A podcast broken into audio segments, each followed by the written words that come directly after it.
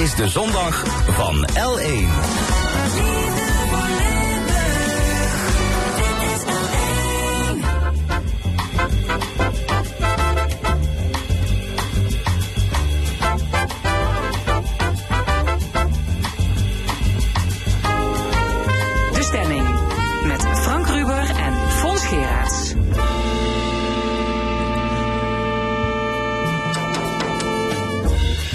Welkom bij de stemming. Wat kunt u de komende twee uur allemaal verwachten? Zometeen aandacht voor armoede. Is 2 miljard euro voor armoedebestrijding voldoende? Hoogleraar Jacques Klaassen vindt korte gevangenisstraffen niet meer van deze tijd. En onze filosofieanalist Kathleen Gabriels over 25 jaar zoekmachine Google.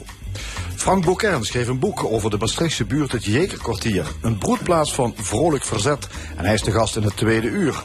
Dan ook columnist Hugo Luiten. Het panel discussieert over het geweld in Israël en Palestina en andere actuele zaken. Tot 1 uur is dit de stemming.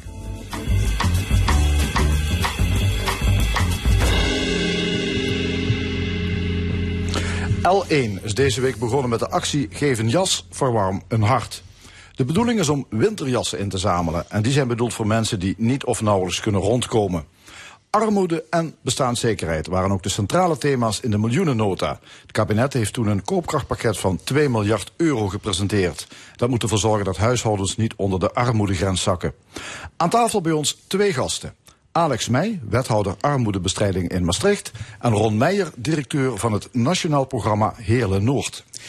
Ja, 2 miljard voor de meest kwetsbare huishoudens. Uh, het Centraal Planbureau had uitgerekend dat zonder ingrijpen van het kabinet meer dan 1 miljoen mensen onder de armoedegrens zouden zakken.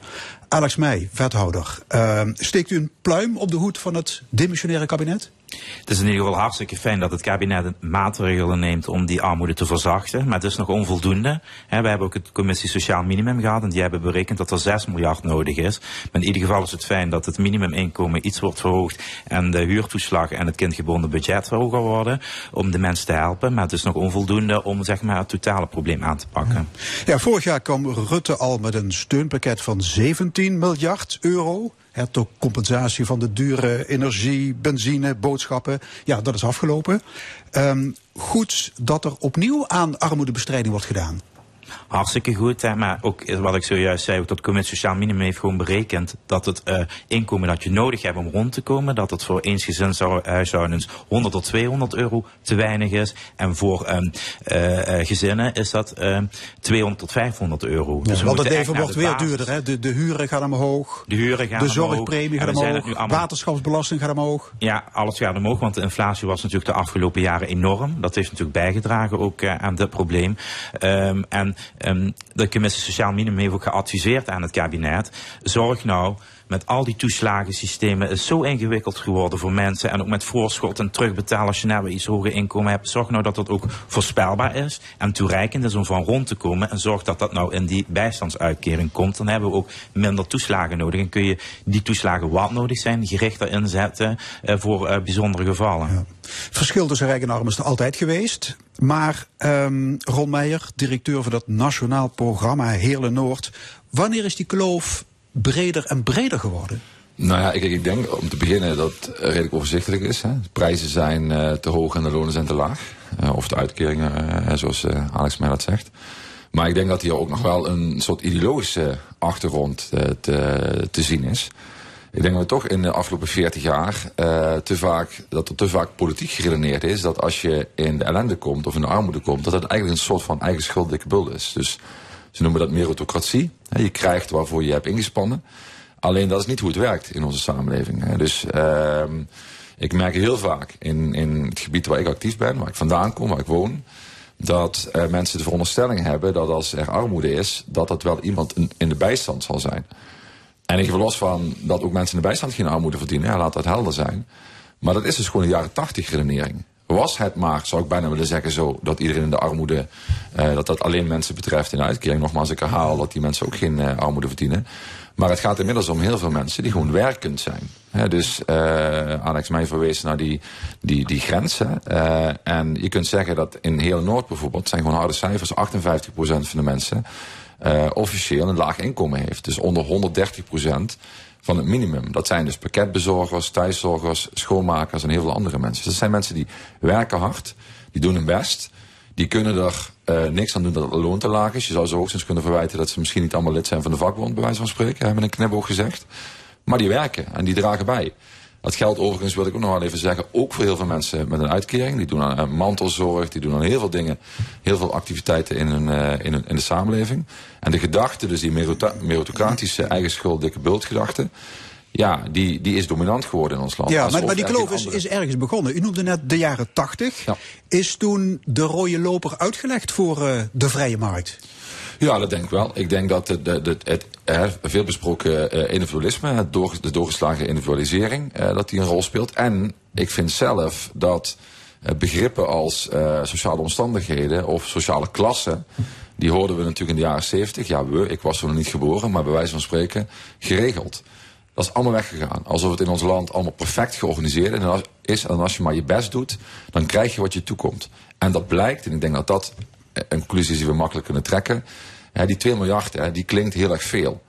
Maar dat is natuurlijk een schijntje op de totale begroting. En die 2 miljard leidt er alleen maar toe dat we inderdaad niet naar die miljoen mensen in de armoede gaan. In een land, een stinkend rijk land, waarin uh, um, 327 miljard winst gemaakt is vorig jaar. Uh, trekt de regering 2 miljard uit. Dat is hartstikke fijn, hartstikke goed. Maar alleen maar zodat er niet nog meer arme mensen bij komen. Ja, Alex, ja, Alex Meij, is de koek uh, ongelijk verdeeld?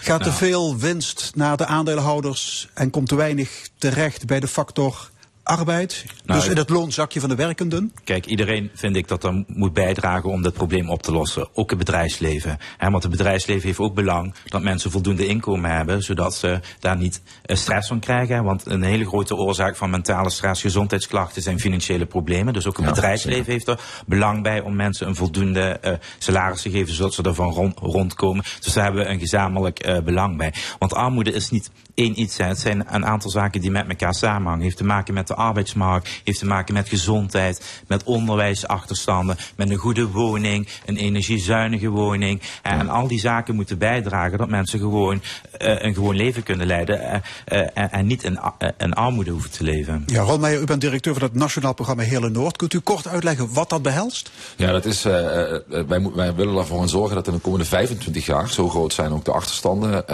dat de levenskansen van de volgende generatie, dat die beter worden. Oftewel, dat het niet uitmaakt waar je opgroeit over 25 jaar. En dan moet je denken...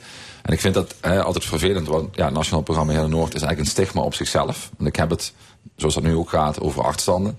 Terwijl ik ook aan toe wil voegen dat ik dus uit het allermooiste gebied van Nederland kom. Uh, het spijt me zeer voor mensen uit Maastricht en anderen, maar ik kom echt uit het allermooiste gebied van Nederland. Dus er is een enorme potentie. Dus dat programma wil niet alleen maar achterstanden inhalen, maar wil ook de potentie uh, uh, uit, uit ons gebied nog meer halen. Ja, maar waarom wordt dat project niet uitgerold naar andere delen van Limburg? Nou ja, of is het een, is het een pilot? Uh, nou ja, er zijn twintig gebieden in het land. En, uh, en heel Noord is het, uh, is het enige nationaal programma in, in Limburg. ook wel echt, zeg maar, noodzakelijk en historisch verklaarbaar. ik zal er zo meteen iets meer over zeggen. Maar gaat dus over wonen, werken, leren, gezondheid en veiligheid. Ik heb de afgelopen jaren, ik heb nog nooit zo vaak het woord integraliteit gehoord. in de 40 jaar daarvoor als ik die in de afgelopen anderhalf jaar heb gehoord. Maar het is ook nodig. Want het gaat precies over waar het net ook over ging. Namelijk als jij naar een rijke schooldag gaat als kind. Dan krijg je vijf uur extra in de week in ons geval onderwijs. Gezondheid, bewegen, talentontwikkeling. Maar als je vervolgens thuis komt, en dat draagt dus enorm bij aan de, aan de levenskans van kinderen. Maar als je vervolgens thuis komt in een schimmelwoning, omdat de woningcoöperatie die woning niet, heeft gerenoveerd, of in een onveilige buurt, dan verlies je weer wat je gewonnen hebt op school. En daarom moeten we dat langs al die lijnen doen. Ik zal u één cijfer geven dat ook meteen aangeeft hoe ernstig het is. Wij kennen in heel Noord 20% lage geletterdheid. 12% gemiddeld landelijk vind ik al abominabel, hè? maar 20% betekent dat als jij opgroeit in een, in een uh, gezin met een laaggeletterde ouder of ouders, en je gaat pas op je vijfde naar school wanneer het moet, dan uh, is die achterstand daarna eigenlijk niet meer in te halen. Dus wat wij willen is dat uh, kinderen ongeacht of ouders vaak zijn ouders, waren, waren het ook zulke kinderen, ongeacht of die ouders kunnen geven aan de kinderen wat er nodig is, dat eigenlijk die gemeenschap versterkt wordt. Zodat die ervoor zorgt dat, uh, dat die volgende generatie uh, een betere toekomst krijgt. Ja. Alex Meij, u bent uh, wethouder sociale zaken en armoedebestrijding in Maastricht. Hoe, hoe ziet armoede eruit? Gaat u wel eens op pad? Trekt u wel eens de wijken in? Zeker. Uh, wat, wat ziet u en wat, wat hoort u? Ja, dan hoor je dat mensen het heel moeilijk hebben om rond te komen. Maar ook dat ze soms niet durven aan te vragen waar ze wel recht op hebben als ze in de problemen zitten. Hè. En dat komt ook door de toeslagenaffaire. En dat heeft ook te maken met het vertrouwen in instituten en in de overheid. En daar hebben we wel echt nog een slag te slaan om mensen echt te bewegen. Om ook uit te gaan van, zeg maar, vertrouwen in de mensen. Uh, en niet vanuit een ja, fraude-gedachte, maar meer vertrouwen in de mensen. Van, en dat ze, als ze iets nodig hebben, dat ze het ook kunnen, kunnen ontvangen. Dus wij moeten ook meer achter de achterdeur zien te komen om die mensen te ondersteunen als ze niet weten waar ze de hulp kunnen krijgen. Want je ziet ook veel niet-gebruik van dat soort ja. uh, maatregelen. En dat is gewoon zonde, omdat mensen gewoon geholpen kunnen worden. Maar ze zijn bang dat ze het later terug moeten betalen. En dat is bij heel veel toeslagen is dat niet zo. Maar bij sommige toeslagen is dat wel zo. En dat is ook waarom we dat systeem, dat landelijke systeem, ook makkelijker moeten maken. Zodat het niet met allerlei toeslagen zijn, 100 formulieren. Mensen kunnen de hele week bezig zijn met allemaal formulieren in te vullen voor zaken waar ze recht op hebben. En die we ook gewoon weten. Want we weten als mensen in een uitkering zitten. Dus dan weet je dat ze ergens Kortom, er kunnen heel veel praktische dingen van verbeterd, verbeterd worden. Ja. Heeft, heeft armoede ook impact op de mentale volksgezondheid? Ja, heel erg heeft dat impact op de mentale gezondheid. Want je ziet, mentale klachten zijn heel groot, ook in deze gebieden. Eh, dat geldt niet alleen voor heel maar eigenlijk in heel Zuid-Limburg. En ook in Maastricht hebben we wijken waar dat, zo, waar dat zo is. Daar gaan we ook met een veerkrachtige wijkenaanpak starten. Uh, Pottenberg en Nazareth zijn dan zo'n wijken in Maastricht waar echt ja, verschillende zaken samenkomen. Waar je echt moet kijken, hoe kun je mensen nou helpen? En de huisartsen, die zeggen dat ook, die komen met on, bij ons met mentale problemen. Maar als we doorvragen, blijkt het vaak te komen door financiële stress. Zeker. Dus zo hangen die dingen samen en hebben we daar ook samen uh, een taak in om, de, uh, om mensen daarin te ondersteunen. We hebben ook vroegsignalering, hè, dat wil ik nog even aangeven. Dat is super belangrijk. We hebben vroegsignalering, dus dat wil zeggen als mensen uh, een keer niet hebben kunnen betalen, dat de gemeente krijgt er een signaal van. En dan hebben we een team die actief met de mensen contact om te kijken, kunnen we u helpen om te voorkomen dat mensen in grotere schulden terechtkomen. Maar we moeten ook zorgen dat we eerder bij de mensen kunnen ondersteunen, zodat ze niet in grotere problemen terechtkomen. Hè. Dat we zo snel wie, wie is verantwoordelijk voor armoede? Is dat het Rijk? Um, het is het Rijk om te zorgen voor het inkomen. En het zijn de gemeentes om te zorgen uh, met, met, ondersteunende maatregelen. Dus om te zorgen dat mensen geactiveerd kunnen worden. Of ja, kunnen maar dat zijn, aan, zijn alleen maar labmiddelen toch, hè?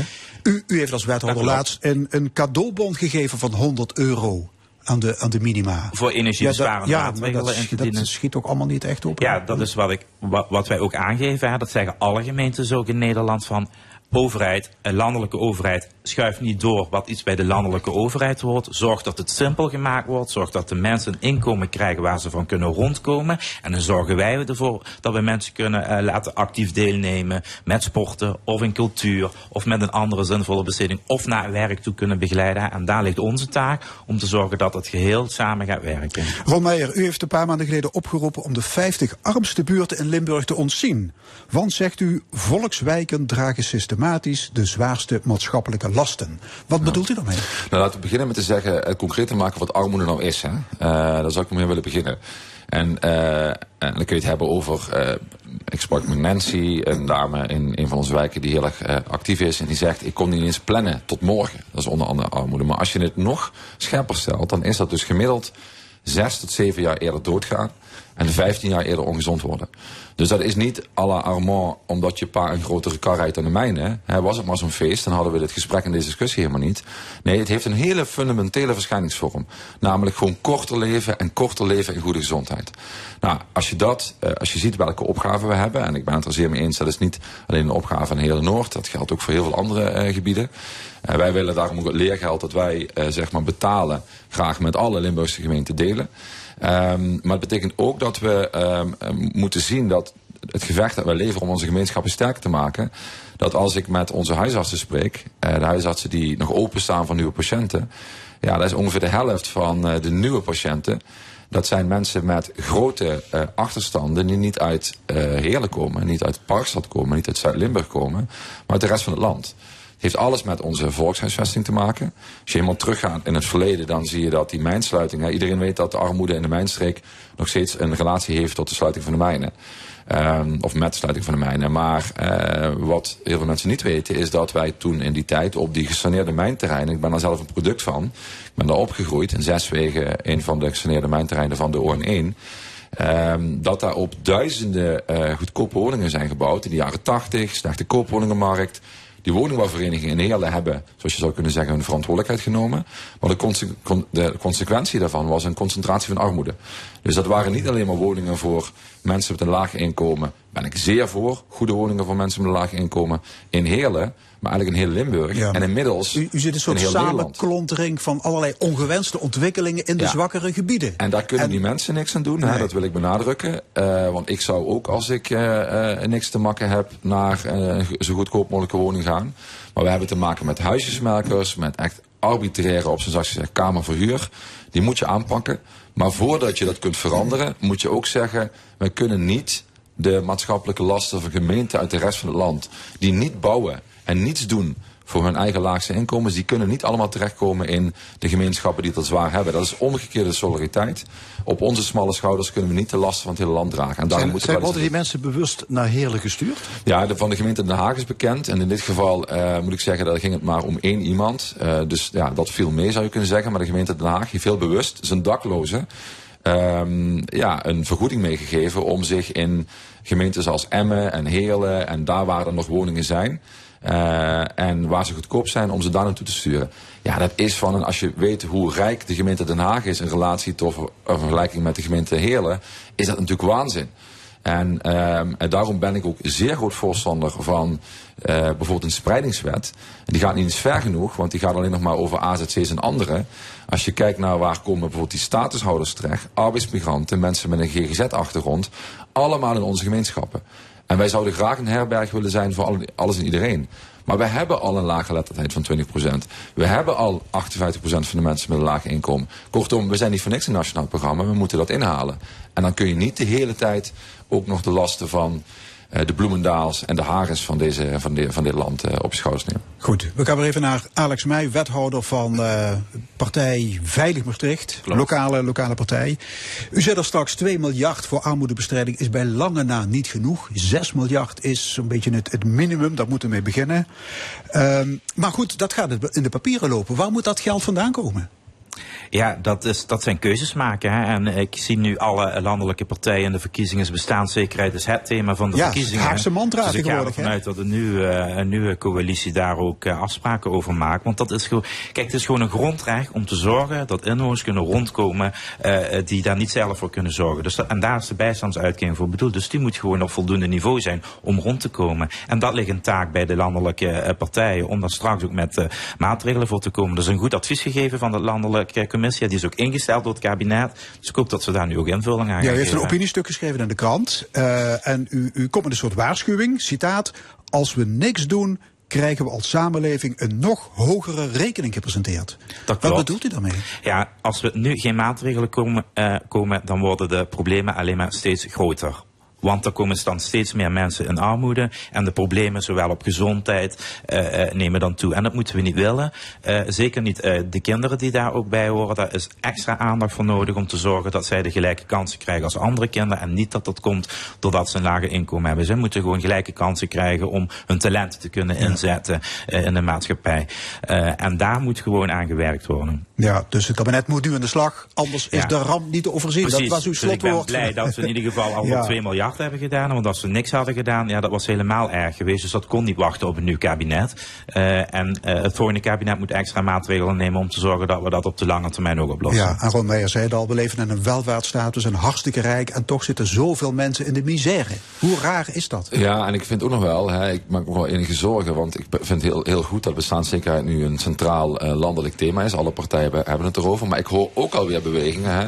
Ja, bedrijven moeten ook bestaanszekerheid hebben, zei Bontebal. En Omtzigt zei, eh bestaanszekerheid is meer dan alleen eh, eh, minimumloon. Dat is waar. Maar Pieter, het begint wel met het minimumloon. Dus op het moment dat dat een argument wordt om het minimumloon niet genoeg te laten stijgen, ja, dan zou ik daar meteen voor willen zeggen, kijk, bestaanszekerheid werd pas een thema toen het langzamerhand de middenklasse ging raken. Mijn ouders zaten al in bestaansonzekerheid in de jaren 90. En die deden echt hun best. Dus er zijn al honderdduizenden mensen die zitten al 30 jaar in bestaansonzekerheid. Dus laten we nou voorkomen dat bestaanszekerheid een thema is, maar vervolgens wordt afgevlakt door te zeggen het gaat over veel meer. Ja, het gaat over veel meer, maar het begint wel met het minimumloon. Oké, hartelijk dank Ron Meijer, directeur van het Nationaal Programma uh, Heerlen Noord. En Alex Meij, wethouder armoedebestrijding in Maastricht. En de L1 hulpactie Geef een jas loopt nog de hele maand. Voor veel veroordeelden zou een elektronische detentie een betere uitkomst zijn dan een verblijf in de cel. Daarover zometeen een gesprek met bijzonder hoogleraar herstelrecht Jacques Klaassen. Maar eerst de Black Keys met Poor Boy A Long Way From Home.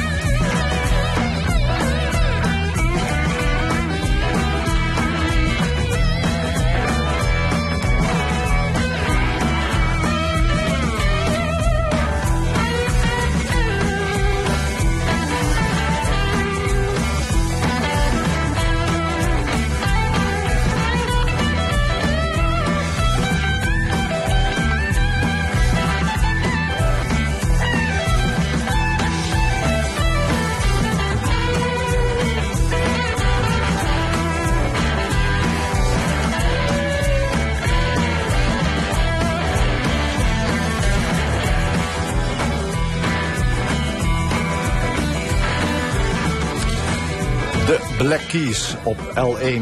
Dit is de stemming tot 1 uur. We moeten af van korte gevangenisstraffen. Een celstraf korter dan zes maanden zou vervangen moeten worden door elektronische detentie. Anders gezegd, sluit gedetineerden niet op, maar laat ze hun straf thuis uitzitten met een enkelband.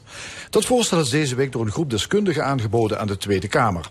En een van de initiatiefnemers is Jacques Klaassen.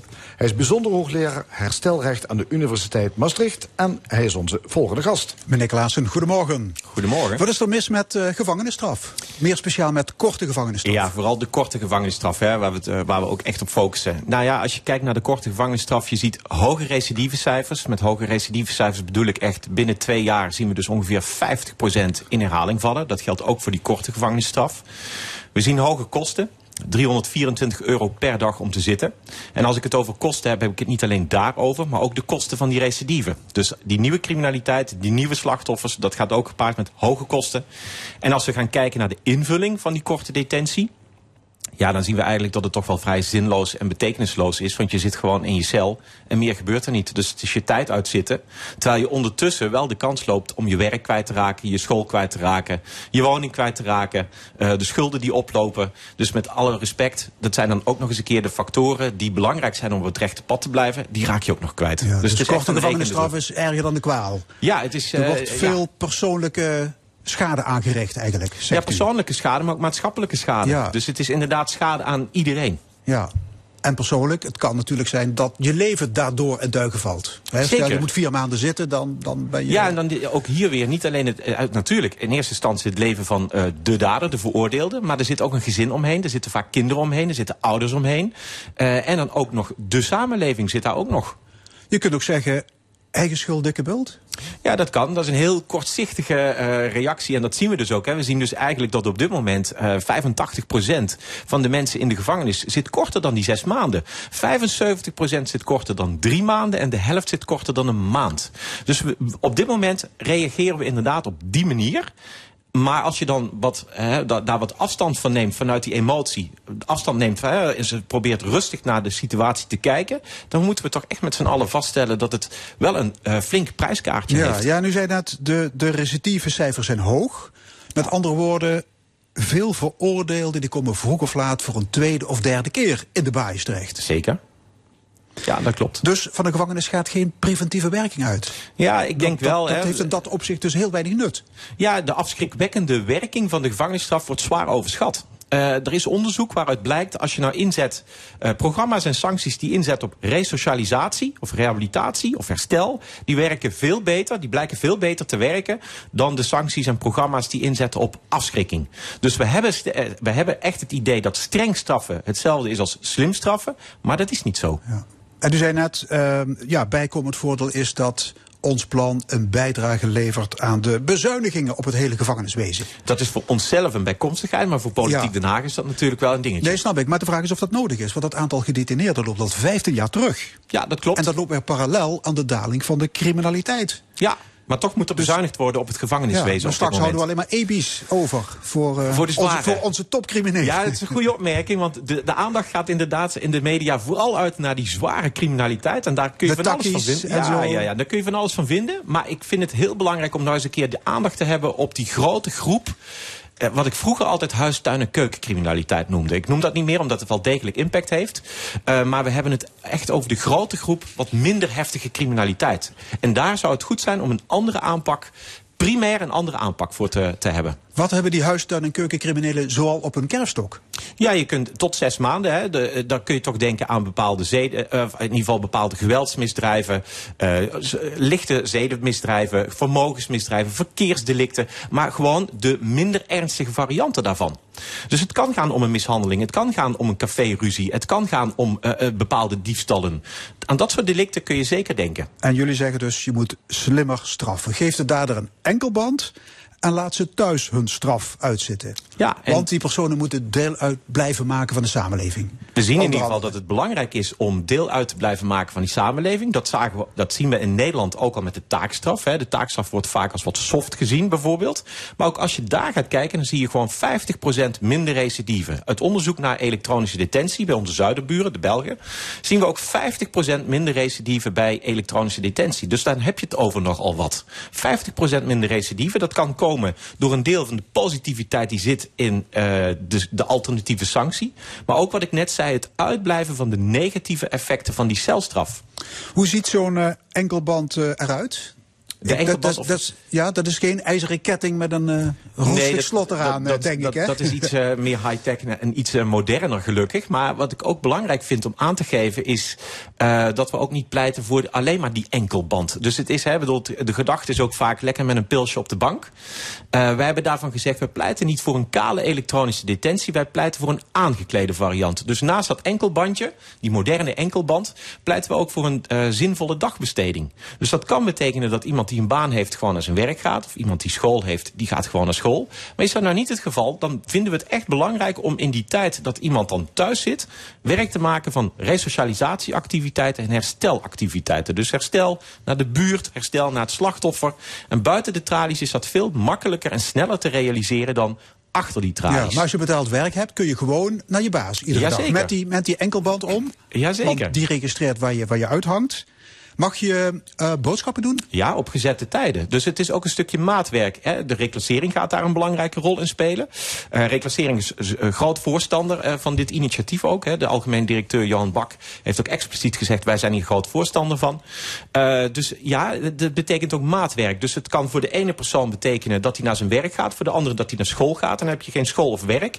Dat betekent dat een andere zinvolle dagbesteding. Ja, en, en mag je- boodschappen doen hoort daar wel bij. Oké, en de hond uitlaten? Dat- en naar de dierentuin? Nou, de, Dat- de dierentuin wordt alweer iets anders. Dus het is een stukje maatwerk. Maar dat iemand boodschappen in huis moet hebben, dat lijkt me vrij logisch. En je gaat natuurlijk in dat stukje maatwerk kijken hoe dat het beste geregeld kan worden. Dus het is niet zo dat jij gaat bepalen wanneer jij naar de winkel gaat. Nee, dat wordt afgesproken wanneer je op gezette tijden je boodschappen gaat doen. Of de boodschappen laat bezorgen, wat tegenwoordig ook heel makkelijk kan. Toch Dus- zal menigeen zich afvragen, is dit nog wel een straf te noemen? Ja, en dan eh, is het heel interessant om eh, naar onderzoek ook weer te gaan kijken. Of, of mensen die een enkelband hebben gehad. Om te eh, vragen van hoe heb je dat nou ervaren? En wat blijkt, die mensen ervaren dat wel degelijk als een straf. Omdat je echt op gezette tijden ben jij thuis.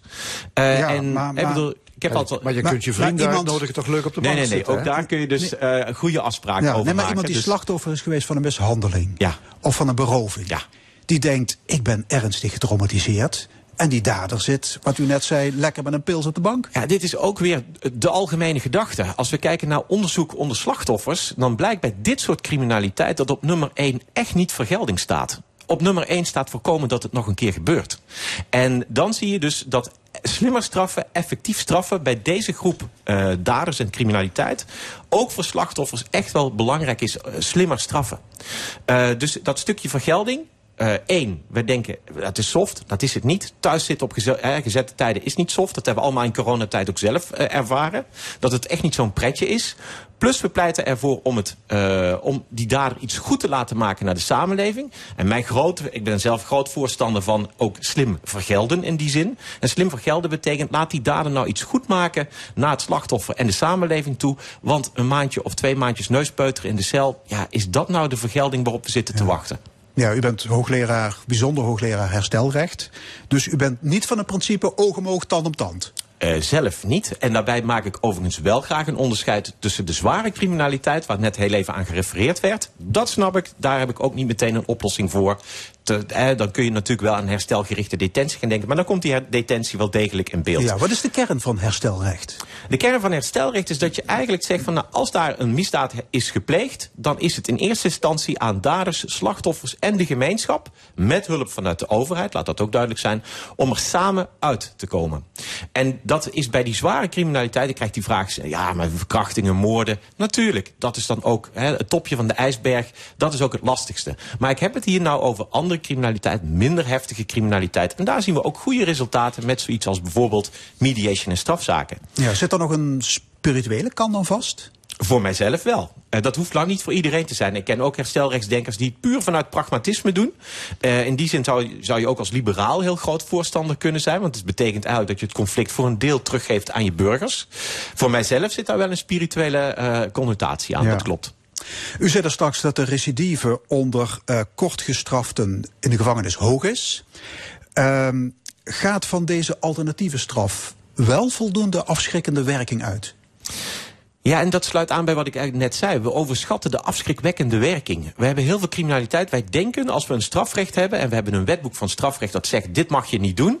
Als je dat maar afkondigt, dat mensen daarbij bij alles wat ze doen wel twee keer zullen nadenken. Maar heel veel Dus in die criminaliteit. zin heeft doodstraf ook geen enkel effect. Ehm, in, in die zin, nee, dat wisten ze al 200 jaar geleden. Dat de hoogte van de straf niet zozeer van belang is, maar de pakkans bijvoorbeeld. En de snelheid waarmee je straft. Dus dat, is al, dat, dat, dat weten we eigenlijk al 200 jaar. En wat ik hier eigenlijk aan wil toevoegen is, die, over, die afschrikwekkende werking wordt zwaar overschat. Omdat het uitgaat van een mensbeeld dat een mens bij alles wat hij doet twee keer nadenkt als hij, hoger, als hij straf zal krijgen.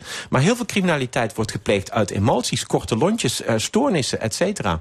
Dus u denkt niet dat het aantal draaideurcriminelen zal toenemen met deze, laat ik toch maar even zeggen, softe straf? Eh, zeker niet. Eén, hij is niet soft. En twee, uit allerlei Nou onderzoeken... ja, niet soft. Ik denk dat als je de, de veroordeelde laat kiezen, of enkelband of de bak in, dan kiezen ze voor de eerste. Ja, en dan, dan zeg ik ook altijd in alle eerlijkheid... ehm, soms moet je wat durven inleveren op vergelding. De korte termijn, vanuit emotie. Eh, en daar krijg je heel veel voor terug in termen van preventie. Dus Ja. het echt voorkomen van nieuwe criminaliteit... het echt voorkomen van nieuwe slachtoffers. Ja, maar een van de functies van gevangenisstraf is herstel van de rechtsorde.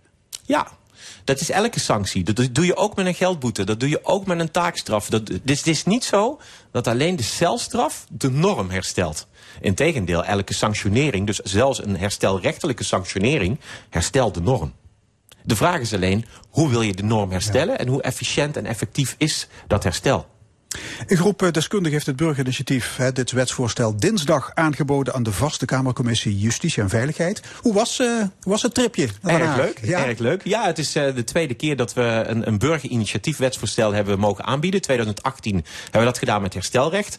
En nu dus met, eh, ja, met, met elektronische detentie en ook de vervangende hechtenis en de vervangende taakstraf. Ja, u heeft gesproken met de minister, Frank ook. Weerwind Ja. van, van Rechtsbescherming. Heeft u nog iets belangwekkends gezegd?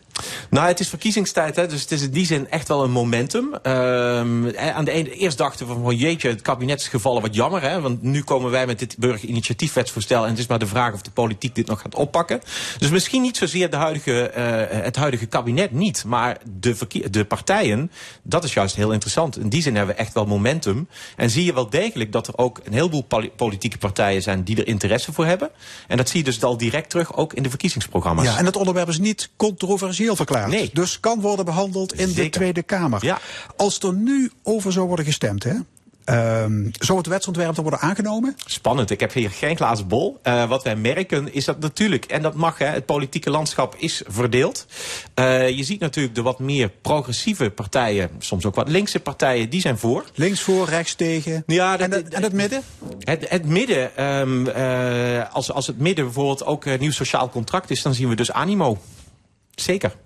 Trouwens, het plan is niet nieuw, want D66 heeft hier vorig jaar een motie over ingediend. Ja. Wat, wat stond daar precies in? Nou, de motie is om de kortdurende detentie dus inderdaad eh, terug te dringen eh, en, en alternatieven daarvoor te ontwikkelen. Dus wij hebben inderdaad, wij, zijn, wij waren hier al mee bezig. En tijdens de rit zagen we inderdaad de motie van Joost Sneller van D66 inderdaad aangenomen worden. We zagen een minister die daarop reageerde door eh, verkenningen te starten. En we zitten nu eigenlijk in, in dat traject. Dus we zijn daar heel blij mee. Oké. Tot slot, is ehm, elektronische detentie, dus met zo'n enkelband, eh, in andere landen van Europa bekend? Ja. Of is dit een novum? Nee, nee, we zijn eigenlijk is het een novum om het niet te hebben. Dus het Oh ja? in die zin, we lopen een beetje achter de feiten aan. Want als je in Europa kijkt, dan zie je dat de meeste landen eh, iets hebben als elektronische detentie. België, we hebben naar België gekeken omdat het heel dichtbij ligt. We hebben ook gekeken naar Zweden. Eh, maar ook andere landen in Europa kennen elektronische detentie. Dus het wordt hoog tijd dat wij dat ook gaan doen. Professor Dr. Jacques Klaassen, bijzonder hoogleraar herstelrecht aan de Universiteit Maastricht. Hartelijk dank. Graag gedaan. En dadelijk de eerste bijdrage van een nieuwe analist in de stemming, filosoof Kathleen Gabriels. En zij staat stil bij een fenomeen dat ons werk- en privéleven veranderd heeft. Google bestaat nu 25 jaar. U hoort het na Dave Mason met The Lonely One.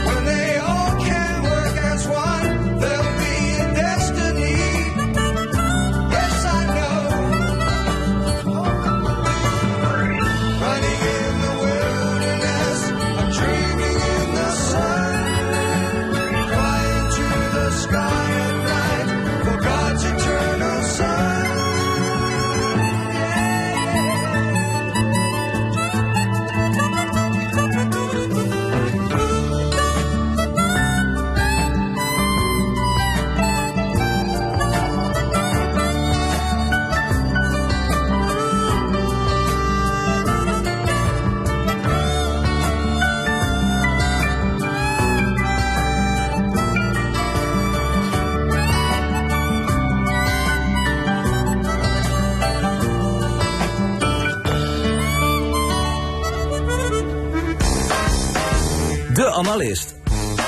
Vandaag met filosofie-analyst Carleen Gabriels. Goedemorgen, Kathleen. Goedemorgen. Ja. Je luisteraars, vaste luisteraars voor de stemming hebben jou wel eens vaker gehoord. Je bent wel eens te gast geweest in ons programma, maar dit is jouw eerste bijdrage als analist. Klopt. Ja, spannend nog. Wow. ja. Beetje. Een beetje, ja. ja. Goed, je gaat de komende tijd eh, gaan we je vaker horen met eh, allerlei eh, onderwerpen. Eh, je bent het spits af met Google. Ja. Eh, bestaat 25 jaar. De Google zoekmachine. De ja. Google zoekmachine. Ja, en eh, ja, je, gaat niet, je gaat ons niet vertellen hoe dat historisch allemaal gegroeid is. Maar eigenlijk meer naar ons gebruik van Google. Daar gaan we het over hebben. Ehm, ja, jij mailde mij deze week. Google, dat is eigenlijk een soort biechtvader van ons. Leg Ja. eens uit. Onze diepste geheimen vertrouwen wij toe aan Google. Eh, bijvoorbeeld tieners die worstelen met hun geaardheid. De kans dat ze eerst zullen zoeken via Google om meer informatie te krijgen is heel groot. Eh, we vertrouwen er ook onze ziektesymptomen aan toe. Dus ik vraag altijd, ehm, zou je bereid zijn om inzage te geven aan je zoekopdrachten van het afgelopen jaar? Omdat dat zo heel, zoveel vrijgeeft over ons. Bijvoorbeeld of je je ex stiekem nog opzoekt, op wie je misschien verliefd bent, ehm, met welke zoekte, ziektesymptomen je komt ehm, en, en wat jou bezighoudt in het leven. Want wij geven die zoekopdrachten heel vluchtig in en we gaan er heel efemeer mee om. Maar dat wordt natuurlijk allemaal bijgehouden. En daar staan we veel te weinig bij stil. Ja, want wij denken, of vaak denken we misschien, we, zoeken die, we geven die zoekopdracht. Klopt. En dan kijk ik even en dat was het. Maar dat was het niet. Nee, een van de schaduwzijden is natuurlijk dat wij die technologie gratis gebruiken, maar wij betalen er wel degelijk, namelijk met onze gegevens.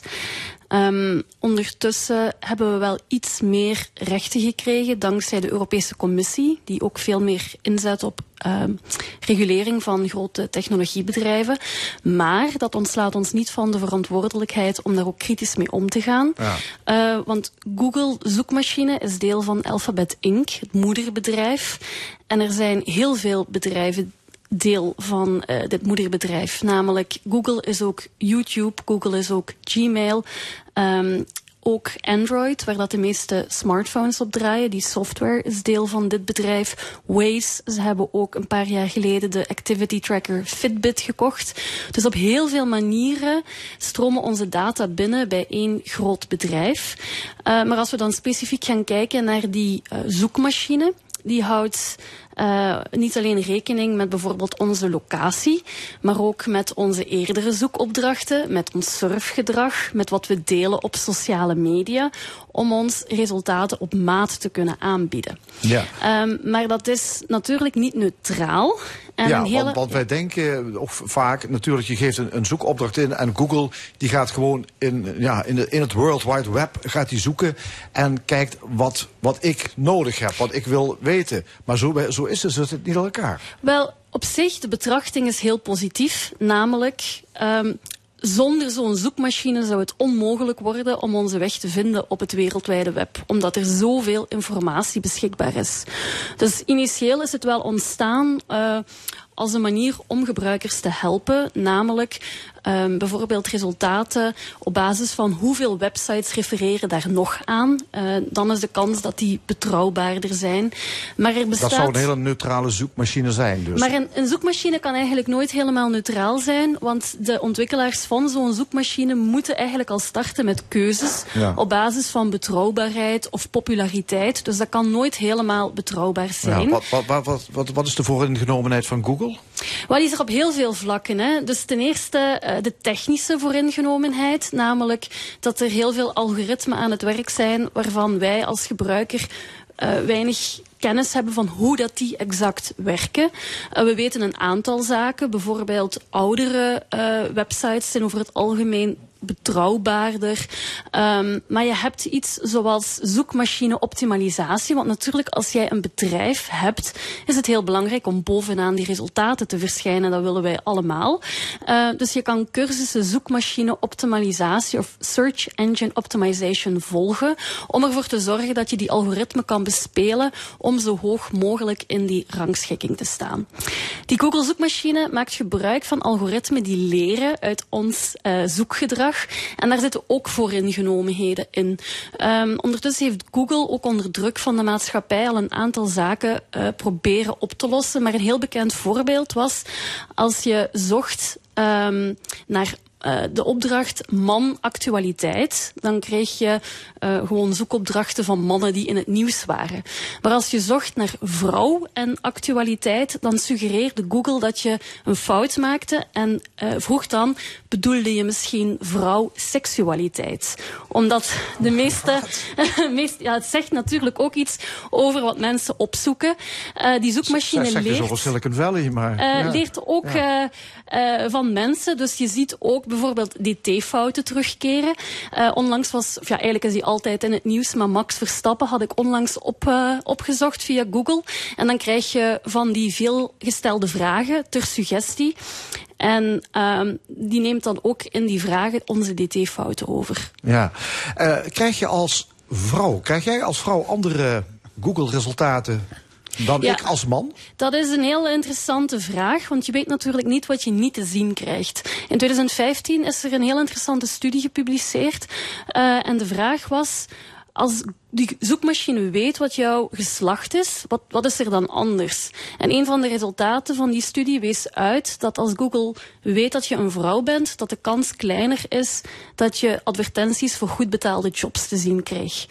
Ehm, je weet natuurlijk niet, nogmaals, wat je niet te zien krijgt. En eh, het antwoord op deze problematiek is ook niet zo simpel, omdat er een hele dynamiek achter zit van adverteerders, gebruikers, ehm, Google zelf. Dus het is niet heel makkelijk om, eh, om, om inzage te krijgen in hoe het probleem ontstaan is. Eh, of een adverteerder zwart op wit gevraagd heeft van eh, richt het vooral aan mannen of is dat een Ja. maatschappelijke vooringenomenheid? Dat, dat zijn die algoritmen, waar we Ja. dus eigenlijk niet weten hoe het precies aan elkaar zit. Maar uit gebruik kun je natuurlijk wel iets opmaken waar die algoritmen rekening mee houden. Man-vrouw dus bijvoorbeeld. Ja, of bijvoorbeeld, er zijn heel veel ehm, ja, schandalen geweest eigenlijk op basis van wat mensen te zien kregen eh, bij Google. Eh, ook bijvoorbeeld minderheidsgroepen eh, worden vaak gestigmatiseerd. Een heel bekend voorbeeld van een aantal jaar geleden was als je zocht naar eh, drie witte tieners, maar dan in het Engels three white teenagers versus three black teenagers. Als je zocht naar eh, witte tieners kreeg je gewoon ja, lachende, stralende jongeren te zien. Ehm, bij de zwarte tieners kreeg je mugshots en arrestatiefoto's te zien. Heeft ook te maken met ho- hoe dat mensen hun foto's labelen, krantenartikels enzovoort. Dus in eerste instantie wees Google naar de gebruikers, gaf die de gebruikers de schuld. Ehm, nu hebben we de Digital Services Act. Ehm, en die moet eh, dus uiterlijk tegen 17 februari 2024 moeten alle Europese lidstaten en bedrijven daar rekening mee houden. En zeker grote spelers zoals de Google zoekmachine, want die hebben meer dan eh, 45 miljoen gebruikers Ja, per maar wat, maand. wat houdt die wet in? Wel, die, die wet houdt in dat die bedrijven niet meer zo makkelijk wegkomen met het eh, gegeven, ja, maar het ligt aan de gebruiker. Dus ze moeten zelf veel meer transparantie bieden. Bijvoorbeeld als het gaat over advertenties, mogen ze ook niet zomaar aan minderjarigen, of mogen ze eigenlijk niet meer aan minderjarigen eh, tonen. Ook het beschermen van cybergeweld naar vrouwen heeft meer aandacht, het krijgen van audits. Dus we worden wel beter beschermd, maar tegelijkertijd moeten we ook naar onszelf kijken. Want er zijn wel degelijk alternatieven, eh, zoals de zoekmachine DuckDuckGo. Die eh, houdt veel meer rekening met privacy. Ik verwijs mensen ook graag... Ja, dat, is- dat zijn dus een alternatieve zoekmachine. Dus geen, geen Google, dat is een andere. Ja, En- ge- en- geen eh, ja. onderdeel van niemand Alphabet Inc. gebruikt iets anders. iedereen gebruikt Google. Ja, wij zijn natuurlijk ook gemaksdieren. Hè? Ja. Ehm, en maar dat is- heeft het ook niet met kwaliteit dan toch van Google te maken? Want ja, je vindt er wel echt wel alles op als je maar doorzoekt. Ja, maar hoe, hoe meer tijd je doorbrengt op een platform, hoe meer dat platform over jou weet en hoe meer die informatie op maat Ja, kunnen. en, en bovendien, Google is seksistisch en racistisch, zei je net. Ja, dus die, ja inderdaad. Eh, En het, en het is gericht op natuurlijk op, op een verdienmodel. Dus wat je ook ziet is, zijn advertenties. eh, die, die worden, Het is een advertentieplatform. Ja. absoluut. Ja. Ehm, dus er zijn alternatieven, ehm, zoals DuckDuckGo. Maar eigenlijk over het algemeen moeten we kritisch bij onszelf stilstaan en ons oude reptiele brein. Want wij zijn heel erg beïnvloed baar door bijvoorbeeld wat bovenaan een lijstje verschijnt. En daar speelt natuurlijk die zoekmachine optimalisatie op in. Eh, Google Shopping heeft al een monsterboete gekregen van de Europese Commissie omwille van oneerlijke concurrentie, maar ook wij. Dat is omdat de producten die Google verkoopt, eh, waar ze Ja, aan verdienen, dat die weer bovenaan komen. partners van Google, maar ook wij, wij zijn heel erg beïnvloedbaar door wat bovenaan een lijstje verschijnt. Dus die producten die bovenaan bij Google Shopping verschijnen, verkopen ook beter. Ehm, Want wij denken gaan- ze zijn beter omdat ze bovenaan staan. Voilà. Ja, ja. Ehm, je zei al, er zijn dus bedrijven die ons ook kunnen bespelen. Dat is die zoekmachine optimalisatie. Ja. Dus er zijn bij bedrijven zitten mensen die bedenken welke zoektermen dat ze ingeven. moeten gebruiken. Of Moet- bij een URL eh, bijvoorbeeld. eh, dus, dus de link zelf kan je een, een heel veel voorkomend trefwoord gebruiken om ervoor te zorgen dat eh, je zo hoog mogelijk bovenaan kan verschijnen. Ja, handig voor die bedrijven, maar ja, goed, dat is, kun je, ja. Google zit dus in Europa, wordt er wel naar gekeken. Ja. Dus wordt het, gaat, het, ja, gaat het beter worden met die wetgeving die eraan gaat komen? Wordt het minder commercieel, seksistisch, racistisch? Eh, wel, voor een stukje zien we al dat de wetgeving zich, zich heeft aangepast aan de populariteit van de Google-zoekmachine. We hebben ook het recht om vergeten te worden. Dat is ook ontstaan omdat één persoon in Europa wilde dat informatie die verscheen bij Google over zichzelf, dat die verdween uit die resultaten. Ehm, en ondertussen hebben wij het recht om vergeten te worden. Dus onder bepaalde voorwaarden kunnen wij eh, zoekmachines verplichten om informatie weg te halen over ons. Dat is natuurlijk wel binnen bepaalde eh, wetgeving. Als je een publiek figuur bent eh, en je bent in opspraak gekomen, dan is de kans klein dat die informatie zal Dat verdwijnen. zou gewoon ges- geschiedvervalsing zijn.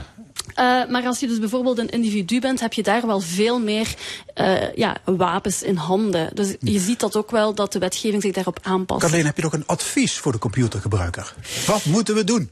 Eh, wel ja, alternatieven zoals DuckDuckGo veel meer gebruiken. En ik verwijs ook graag naar websites zoals mediawijs.be of Beeld en Geluid in Nederland. Want die houden zich bezig met digitale geletterdheid. En die hebben ook heel veel informatie over hoe wij op andere manieren ons kunnen informeren online. Ja, Kathleen, google jezelf. Wel, ik begin bij DuckDuckGo. Dat is ook de standaard eh, app op mijn smartphone. Maar je ontsnapt niet eh, aan het Maar, gebruik maar je van zit Google. n- bewust niet op Gmail bijvoorbeeld. Ook een onderdeel van Google. Ehm, Ik heb eh, ergens, ik heb een verplicht eh, ooit Gmail-adres moeten aanmaken, maar dat gebruik ik eh, zelden of nooit. Oké, dankjewel voor je eerste bijdrage als analist Kathleen Gabriels. Straks is de gast in de stemming Frank Bokern. Hij schreef een boek over het Jekerkwartier, een bijzondere buurt in Maastricht. En zijn vorige boek ging over de Stokstraat en dat heeft heel erg goed verkocht. Verder een column, een discussiepanel en nog veel meer. Blijf luisteren, tot zometeen. Wilt u een testament of levenstestament laten maken? Let dan goed op. Voorkom hoge kosten en ga rechtstreeks naar de notaris. Meer weten over erfrecht en het levenstestament? Kom naar de gratis infoavonden van Wolfs Knopsnotarissen in Heerlen. Nu ook online. Kijk voor meer info en inschrijving op wolfsknopsnotarissen.nl. Obamacare is er voor mensen met een kwetsbare gezondheid en geheugenproblemen. Wonen met hoogst persoonlijke zorg en aandacht. Obamacare.nl Nieuw, het Pearl Brilplan. Een alles-in-één service, inclusief twee brillen. Verandert je sterkte, dan krijg je gratis vervangende glazen. En bij schade, verlies of diefstal zorgen wij voor een passende vervanging. Zo ben je altijd zeker van goed zicht, al vanaf 57 per maand. Kijk voor meer informatie op pearl.nl. Hey, wil jij ook kennis maken met klassieke muziek? Nu, in Aangenaam Klassiek, twee cd's, het boekje Tijdreis door de klassieke muziek en een cadeaukaart. Shop nu in de winkel of ga naar aangenaamklassiek.nl. Hallo wereld, Discovery Museum hier. Kom je experimenteren in ons Science Lab? Boek nu je tickets op discoverymuseum.nl. Zien we je snel in Kerkrade? Dit is L1 met het nieuws van 12 uur. Joris Stubenitski met het NOS-journaal. Bij de tegenaanvallen door Israël in de Gazastrook is de moskee van Khan Yunis verwoest. Die stad ligt in het zuidelijk deel van de Gazastrook. Inwoners van Khan Yunis zochten vanochtend tussen de brokstukken om te kijken of er nog iets te redden viel. Hamas zegt bezig te zijn met een grote raketaanval op de Israëlische plaats Sedrot. Die stad ligt net over de grens met Gaza. Op Telegram zegt de terreurgroep zeker 100 raketten af te schieten. De autoriteiten in de Israëlische plaats zeggen dat zeker één persoon zwaar gewond is geraakt en zes gebouwen zijn getroffen. Het Israëlische leger zegt in een andere grensplaats te vechten met een groep van zo'n 10 Palestijnen die zich zouden hebben verschanst. Egypte is gevraagd te bemiddelen over de Israëliërs die zijn meegenomen naar de Gazastrook. Israël verzocht de veiligheid van de burgers te garanderen. Er zijn geen aantallen genoemd, maar Egypte gaat uit van tientallen ontvoerde mensen. Intussen komen vanuit Egypte ook berichten dat er in de stad Alexandrië twee Israëlische toeristen zijn doodgeschoten. Ook een Egyptenaar zou zijn omgekomen. Een politieagent zou het vuur hebben geopend en is opgepakt. Het dodental door de aardbeving in het westen van Afghanistan is opgelopen tot ruim 2000, zeggen de Taliban. Meer dan 9000 Afghanen zijn gewond geraakt en ruim 1300 woningen zijn beschadigd of verwoest. Reddingswerkers zoeken onder het puin naar meer slachtoffers. In Bloemendaal zijn gisteravond drie jongeren opgepakt... die mogelijk bij een grote groep horen die mensen intimideren, beroven en mishandelen. Leden van die groep gingen de afgelopen tijd op fatbikes en e-bikes... door Bloemendaal, Haarlem en Velsen. De drie jongeren sloegen gisteravond een leeftijdsgenoot in elkaar. Het slachtoffer zei dat de jongens zijn telefoon en sigaretten wilden afpakken. Het weer in de loop van de dag overal droog, meer zon ook. Het wordt 16 tot 22 graden. Morgen maximaal 22 graden met in het noorden wat regen en in het zuiden de meeste zon. Dit was het NOS Journaal. Ja, het is nog een beetje aan de vroege kant, maar heeft u al zitten denken wat u uw relaties dit jaar gaat schenken? Bestel tijdig uw eindejaarschocolade voor medewerkers of relaties. Sint- en kerstchocolade. Ook maatwerk met logo. Het is altijd puur genieten. Met onze chocolade. Groenselevlaai, Keersevlaai of Promevlaai. Geniet van de week van de vlaai. Van 9 tot en met 15 oktober. Ook bij uw ambachtelijke bakker. De week van de vlaai wordt georganiseerd door de Limburgse ambachtelijke bakkers. En de bakkersopleidingen. Bestel tijdig uw eindejaarschocolade voor medewerkers of relaties. Individuele bezorging met de post is mogelijk. Kijk op rousseau.nl Onze nieuwe keuken is de ontmoetingsplek voor de hele familie. Ideeën waren er volop op mhkkeukenexpert.nl. En vervolgens heeft MHK Keukenexpert Berends, keukens, badkamers en tegels uit Roggel alles tot in de puntjes gerealiseerd. Gaaf hè? MHK Keukenexpert ontwerpt en realiseert de keuken van je dromen. Shoppen bij Yola voelt als een feestje. Ontdek de laatste trends voor jou en de kids in een ongedwongen sfeer. Met merken van eigen bodem van de allerhoogste kwaliteit. Er is altijd wel iets wat perfect bij jou past. Yola. Zo, dat is ontspannen. Oh, ik vind het zo ontspannen. Ik draai me nog een keertje om. Ja, lekker hè, zo'n social dealtje pakken. Wil je een nachtje prima pitten voor een prikkie? Voor de beste overnachtingdeals en meer, check je socialdeal.nl. Heerlijk toch? Maar wat pas echt heerlijk is, zelf lekker slapen. Kom daarom naar de Medipoint slaapadviesdagen. Kosteloos advies voor onbetaalbaar lekker slapen. Met kortingen tot 50%. Plan je afspraak vandaag nog op medipoint.nl slash beter slapen. Erop uit in de herfstvakantie? Ontdek de beste deals en meer op socialdeal.nl. Nu bij Subaru Eusen. De volledig elektrische Subaru Solterra. Maak kennis met deze prachtige SUV. Geniet van een proefrit en kom naar onze showroom in Ransdaal. De nieuwe Subaru Solterra. Kijk op eusen.nl. Dit is de zondag van L1.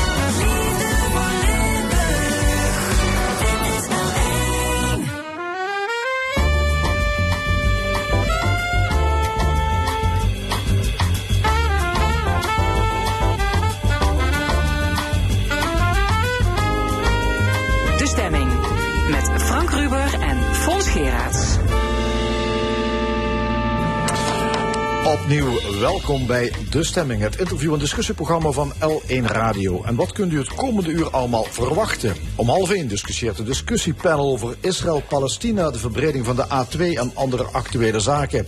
Een column dan ook van Hugo Luiten, maar eerst een boek over de geschiedenis van een bijzondere buurt in Maastricht. Het Jekerkwartier was lange tijd een volksbuurt in de oude binnenstad van Maastricht. Straten met monumentale panden, maar ook met krotwoningen. Na de oorlog een ideale plek voor kunstenaars, provo's, hippies en krakers. Groepen die in verzet kwamen tegen burgerlijkheid en bekrompenheid. Het was de leukste buurt van Maastricht, concludeert Frank Bokern in zijn zojuist verschenen boek over het Jekerkwartier. Het stadsdeel waar jongeren de luiken opengooiden en een frisse wind lieten waaien. Onze volgende gast, Frank Bokern. Hallo. Goedemiddag, hallo. Goedemiddag. Ja, u was ons hier. Ja, leuk om hier weer te zijn. Ja. En dat was een boek over de Stokstraat, het Ja. Stokstraatkwartier. Ja, ik ga elke buurt af. Nee.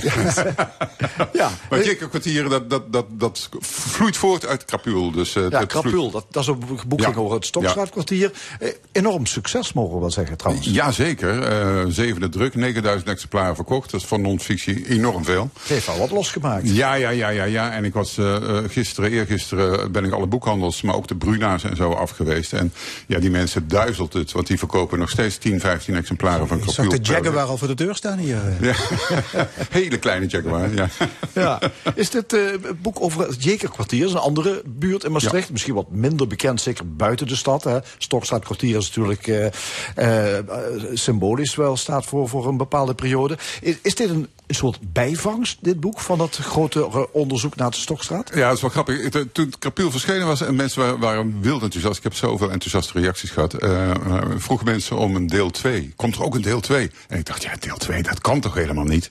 Maar stiekem in mijn hoofd was ik ke- kennelijk al bezig met dit. En ja, een deel 2 is er niet. Ik noem het een toegift op Krapiel. Want het is voortgekomen uit Krapiel. Het bouwt ook voort op het verhaal van Krapiel.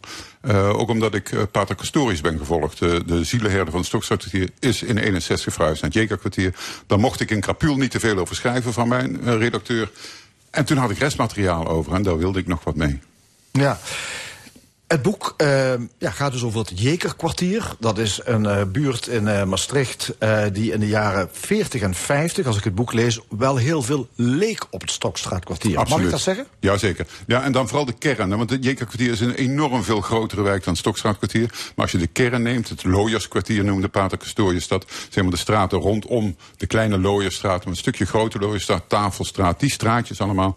Dat was gewoon een, een, een afzichtelijke krottenwijk. Pieterstraat ook. Ja. Wat moeten we ons daarbij voorstellen? Kunt u ons even meenemen naar die periode, jaren 50, eh Jekerkwartier, Wat zien we? Wat zien we? In, in die straat in ieder geval zie je gewoon hetzelfde als een stokstraatkwartier. Mensenpakhuizen die te abominabel zijn om überhaupt mensen te laten wonen. Eigenlijk vaak onbewoonbaar verklaard ook. Maar ja, dat, dat, eh, dat werd dan toch bewoond in gemeente Maastricht. Maar sterker nog, elke kamer werd dan bevolkt door, eh, vaak door een heel gezin. Dus daar woonden echt, eh, ja, waren mensenpakhuizen, letterlijk. Er woonden eh, 10, 15 gezinnen soms in zo'n groot pand. Ja, en ik lees ook, eh, de ratten hadden vrij spel. Ja, zeker daar, want het was nog veel erger dan... De Stokstraat was wel vochtig, want dat lag vlakbij het kanaal en de Maas. Maar een jeekkwartier, daar liep de, loopt de jeker onder, onder de huizen door. En, en, en eh, vertakt ook ondergronds. En, en dat, ja, dat trekt ratten aan. Dat, dat is vergeven van de ratten, of was vergeven van de ratten. Ja. Ja, ja, het was kamerbewoningen, ratten. Ik, ik las ja, mensen die woonden in huizen, daar zat niet eens een klink op de deur, dus iedereen kon er binnenkomen. Nee, alleen lagen- dat gat nog waar de klink dan zat. Dus Ja. zo kon je de deur open en dicht doen. Ja, er, lagen zwervers eh, in, in de gang, s ochtends. Als je er zat geen voordeur in meer. Die was eruit gesloopt. Dus, eh, Ja, en eh één verhaal gaat over een kunstenares. Ehm, die woont in het Stokstraatkwartier. Ehm, en daar op een gegeven moment de, de, de, de, de huisbaas die besluit om de trap uit het huis te slopen. Ja, nee, niet Stokstraat, bij Rijke Stultjes. Die Ja, woont in, in de kleine Eh, sorry, Looierstraat. de De kleine Looierstraat. Ja, maar die woont in dat pand ook waar geen voordeur in zat... waar die zwervers op de trap lagen. En eh, de- de- dan wordt het... Het is notabene eigendom van de Sint-Servaas-parochie. En zij woont daar dus met tal van andere kunstenaars... en loslopende mannen en vrouwen, zoals zij dat dan zegt. Want die kregen geen normaal pand. Maar die mochten dan wel in zo'n ja, slooppand wonen. Het pand was gebombardeerd in de oorlog. Het, ja, het, het, het was, was niet te doen om daar te wonen. En op een gegeven moment wordt het pand dus verkocht door de kerk aan een, eh, een projectontwikkelaar, zou ik maar zeggen, avant la lettre. En die gaat dat verbouwen tot kantoor. Maar die moet die mensen een nieuwe woning bieden. En ja, eh, er zijn geen nieuwe woningen, geen goede nieuwe woningen. En dan sloopt hij alvast de trappen eruit. Dus Marijke is een jaar lang, Marijke Stulties, moet je je voorstellen, nu 96 jaar, ze was gisteren bij de presentatie, geweldig. Eh, die, die moest dan met een ladder naar twee hoog, naar haar kamer toe. Met een ladder. In het donker, vochtig, ratten, nou ja. En je moest naar ons eh, van die ladder af, want er was ook eh, de, het toilet. Er was gewoon een, eh, op, op de koer, geloof ik, was gewoon het eh, toilet voor het hele gebouw. Hè? Ja, precies. En dan hadden ze daar toevallig wel een echte wc. Dus niet een secreet, maar een echte wc.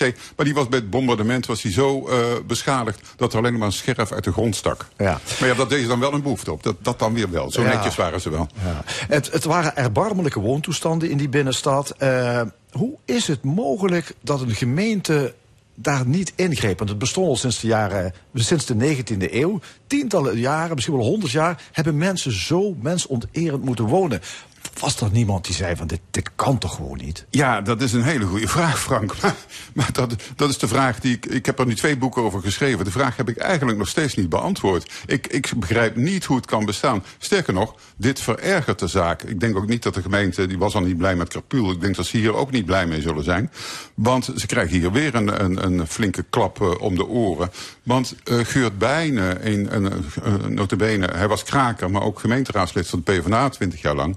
Die heeft dat geanalyseerd, heeft dat ook voor mij geanalyseerd. De gemeente heeft destijds 600 panden, 600 panden hadden zijn eigendom in de binnenstad, monumentale panden. En die lieten ze bewust leegstaan om te laten verkrotten. Omdat ze zich als een soort projectontwikkelaar wilden opstellen.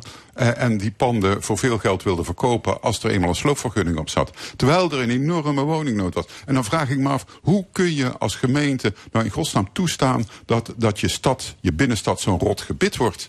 En, dat, en dat zelf stimuleert en bewerkstelligt. Ja, er waren, Onbegrijpelijk. Ja, er waren uitzonderingen. Die pater Castorius, die jij al noemt, en die werkte in de Stokstraat. Maar die wierp zich ook op als, eh, ja, als, als buurtvader eigenlijk daar in dat uh, Jekkerkwartier. Nou ja, hij is daar komen wonen toen het Stokstraatkwartier eenmaal dicht ging, zou maar zeggen. In 61 waren bijna alle bewoners weg. Toen heeft hij uh, de kans gekregen van de gemeente, met heel veel politiek gemasseer, om in het Jekerkwartier verder te gaan. Ook in de veronderstelling die hij had dat het precies dezelfde buurt was, het precies zo'n buurt was als het Stokstraatkwartier. En daar is hij nog acht jaar uh, bezig geweest. Dus dat, uh, ja, ja, die kans heeft hij wel gekregen. Ja, hij had daar een buurthuis. Overigens, het was ook een gemêleerde buurt. Dat is, dat is ook dan wel weer opmerkelijk. Nou, dat is zo want, grappig. Dan. Ja, want ja. Je beschrijft die mensen, pakhuizen. Ja. Maar daarnaast woonden rijke families. De familie Baudouin, de familie Beaumont, de familie Michiels van Kessenich, van Oppen. Die zat dan wel in het Villapark. Maar Beaumont, en, Beaumont zat op de Witmakerstraat. En Baudouin zat midden op de Grote Looierstraat. En daarnaast stonden de mensenpakhuizen. Ja, en die mensen gingen naar dezelfde winkel in de buurt, hè, lees Ja. Die stonden gewoon naast ja, elkaar. Ja, de zuivelhandel bij Markt Habets. Ja. Ja. van Markt Habets. Ja, van, ja, van Habets. Ja, geweldig. stond de familie. Baudouin stond daar gewoon naast iemand uit, het, uit zo'n krot. Maar dat vind ik ook weer zo fantastisch. Dat hier zo'n fantastische sociale cohesie was. En dat is zo jammer dat dat verloren is gegaan. Ja. Eh, de buurt verandert. Op een gegeven moment komen er kunstenaars. Hè, we hadden het al over Marijke Stultjens. Maar er komen daarna ook de nozems, de provo's, de hippies. Eh, die voelen zich tot die wijk aangetrokken. Waarschijnlijk ook omdat er goedkope huizen waren. Goedkope huisvesting, moet zeggen. Eh, Nou, eh, ik denk dat het nog veel, veel, interessanter is. De gemeente heeft de Stokstratkwartier eerst aan zijn lot overgelaten. Dat is een soort vrijstaat geworden. En die mensen hebben gewoon, zijn hun eigen gang gegaan. Die hebben gewoon toch binnen de armoede die ze hadden... hebben ze hun weg gezocht om toch aan een kostje te komen. In het uh, hebben ze precies hetzelfde laten gebeuren. Dat is ook een vrijstaat geworden. Maar dan zitten we in een andere tijd. Dan zitten we opeens in de jaren 60, 70. En die mensen zijn, denk ik, de nozens, provo's, hippies, krakers... zijn vooral naar het Jeka-kwartier getrokken... omdat het zo'n vrijstaat was. Ja, en daar hoorden ook bij ludieke acties. Want ja, het waren de jaren 60, hè? Ja, fantastisch. Fantastisch. En daar is de gemeente Maastricht gigantisch op nat gegaan. Ja, daar konden ze niet mee omgaan. Nee, provos, hippies, die kwamen in die tijd. Ja, het was de jongere cultuur die in opkwam. En we weten dat dat allemaal in Amsterdam gebeurde, dachten wij. Maar ehm, wij hebben in ons archief ook een actie gevonden. eh, ook door mensen vanuit dat Jegerkwartier. En zullen we gewoon even gaan luisteren? Ja. Het is 1966. Er gebeurde dit.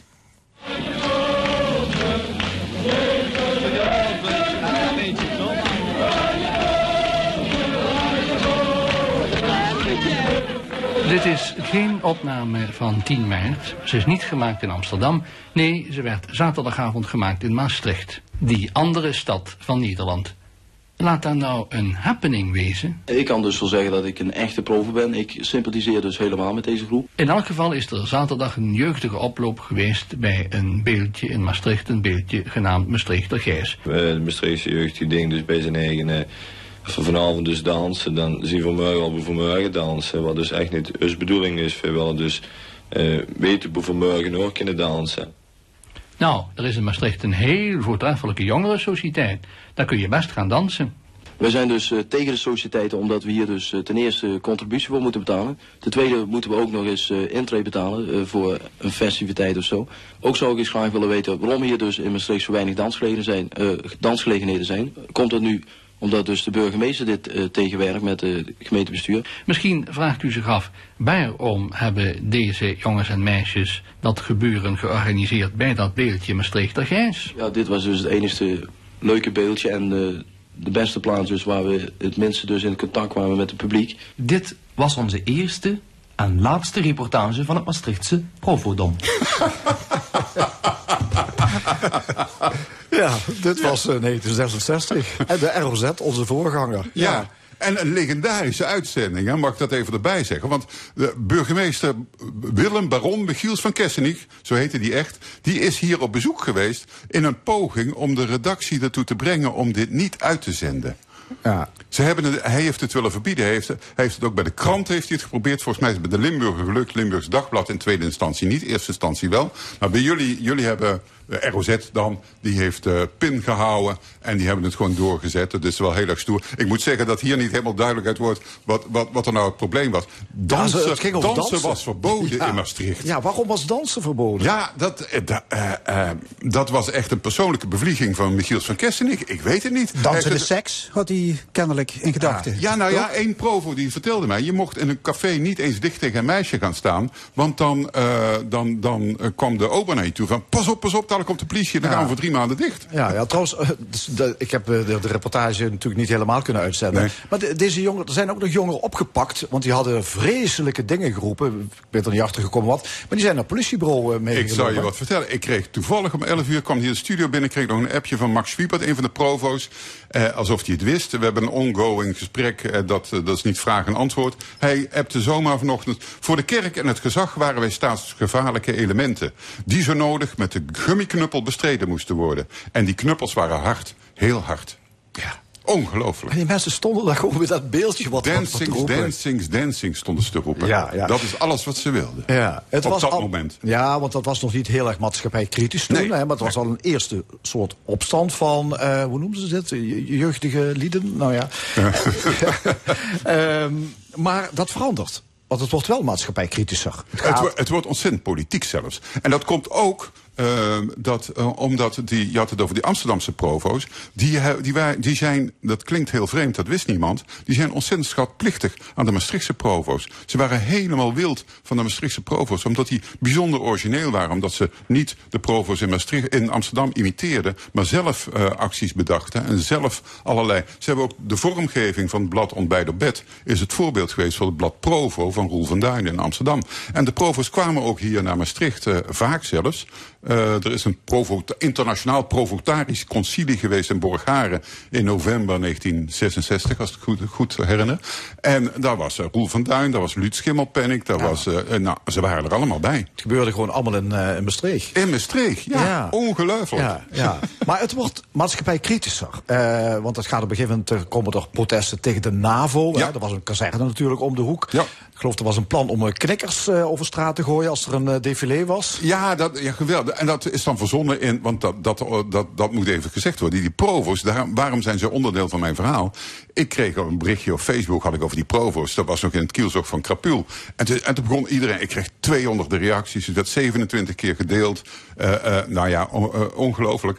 En, en ze, ja, en de tempel van de provo's was in de Kleine Looierstraat. Café de Petit Tanneur. Dat was de magische tempel van het Maastrichtse provotariaat. Ja. En zelfs Roel van Duin reageerde. Roel Bos, een, een Ja, Maastrichtse wat gebeurde daar allemaal in Le Petit Bonheur? Ja, Eh, dat- sorry, in de- eh, Tanneur. Le Tanneur. Ja. Ja, Bonheur is.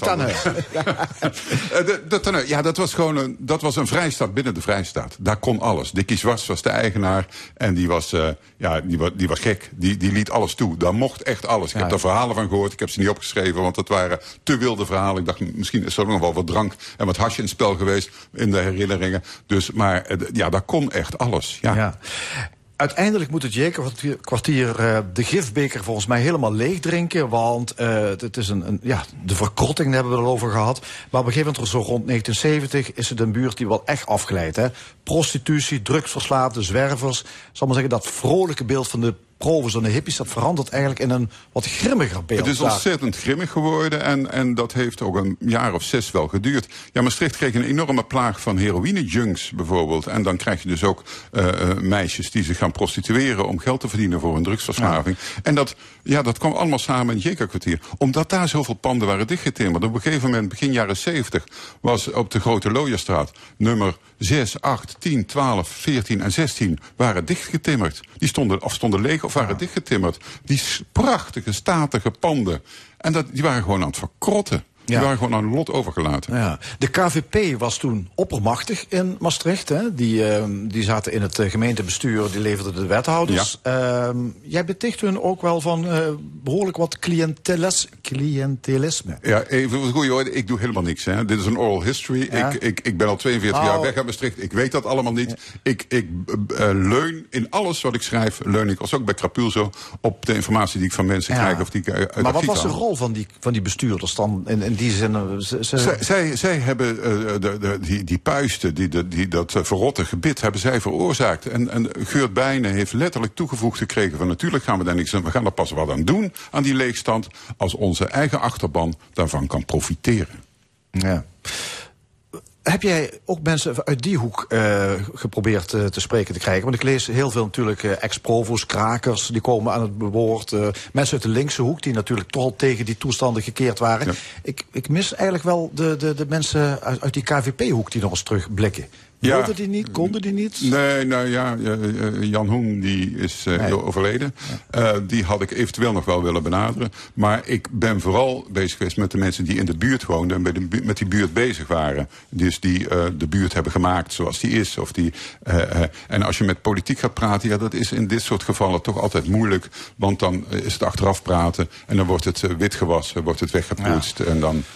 Ja, uiteindelijk is het allemaal goed gekomen, want het Jekerkwartier is nu een, eh, ja, een prachtige buurt. De, de huizen zijn hersteld, gerestaureerd. eh, maar waar zijn nou die oorspronkelijke bewoners gebleven? Ja, precies. Het is toch, net als bij de Stokstraat, een proces van gentrificatie geworden. En dat is heel triest, want eh, kijk, de Stokstraat vond ik het al erg dat al die mensen werden afgevoerd, zoals de gemeente dat zo fijnzinnig noemde.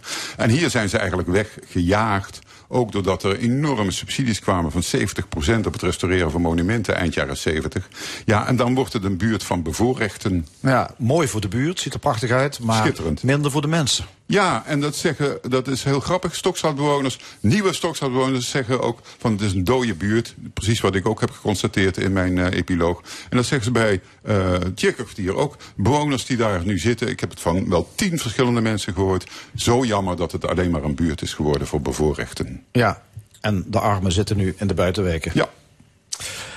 Dankjewel. Eh ik noem nog één keer de titel van je boek, eh, Frank Boekern. Dat is Het Jekerkwartier, broedplaats van vrolijk verzet. Ligt in de boekhandel.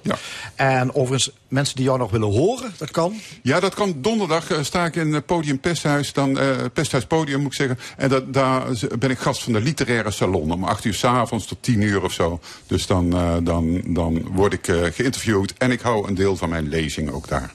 Oké, dankjewel. Dankjewel. U luistert naar L1 Radio, meer speciaal naar de stemming. Zometeen de column van Hugo Luiten, die zich een leven zonder Google niet meer kan voorstellen.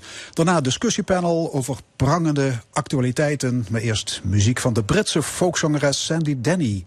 Al 45 jaar dood en je hoort haar nooit meer op de radio. Maar wel vandaag op L1, de Pond en de Stream.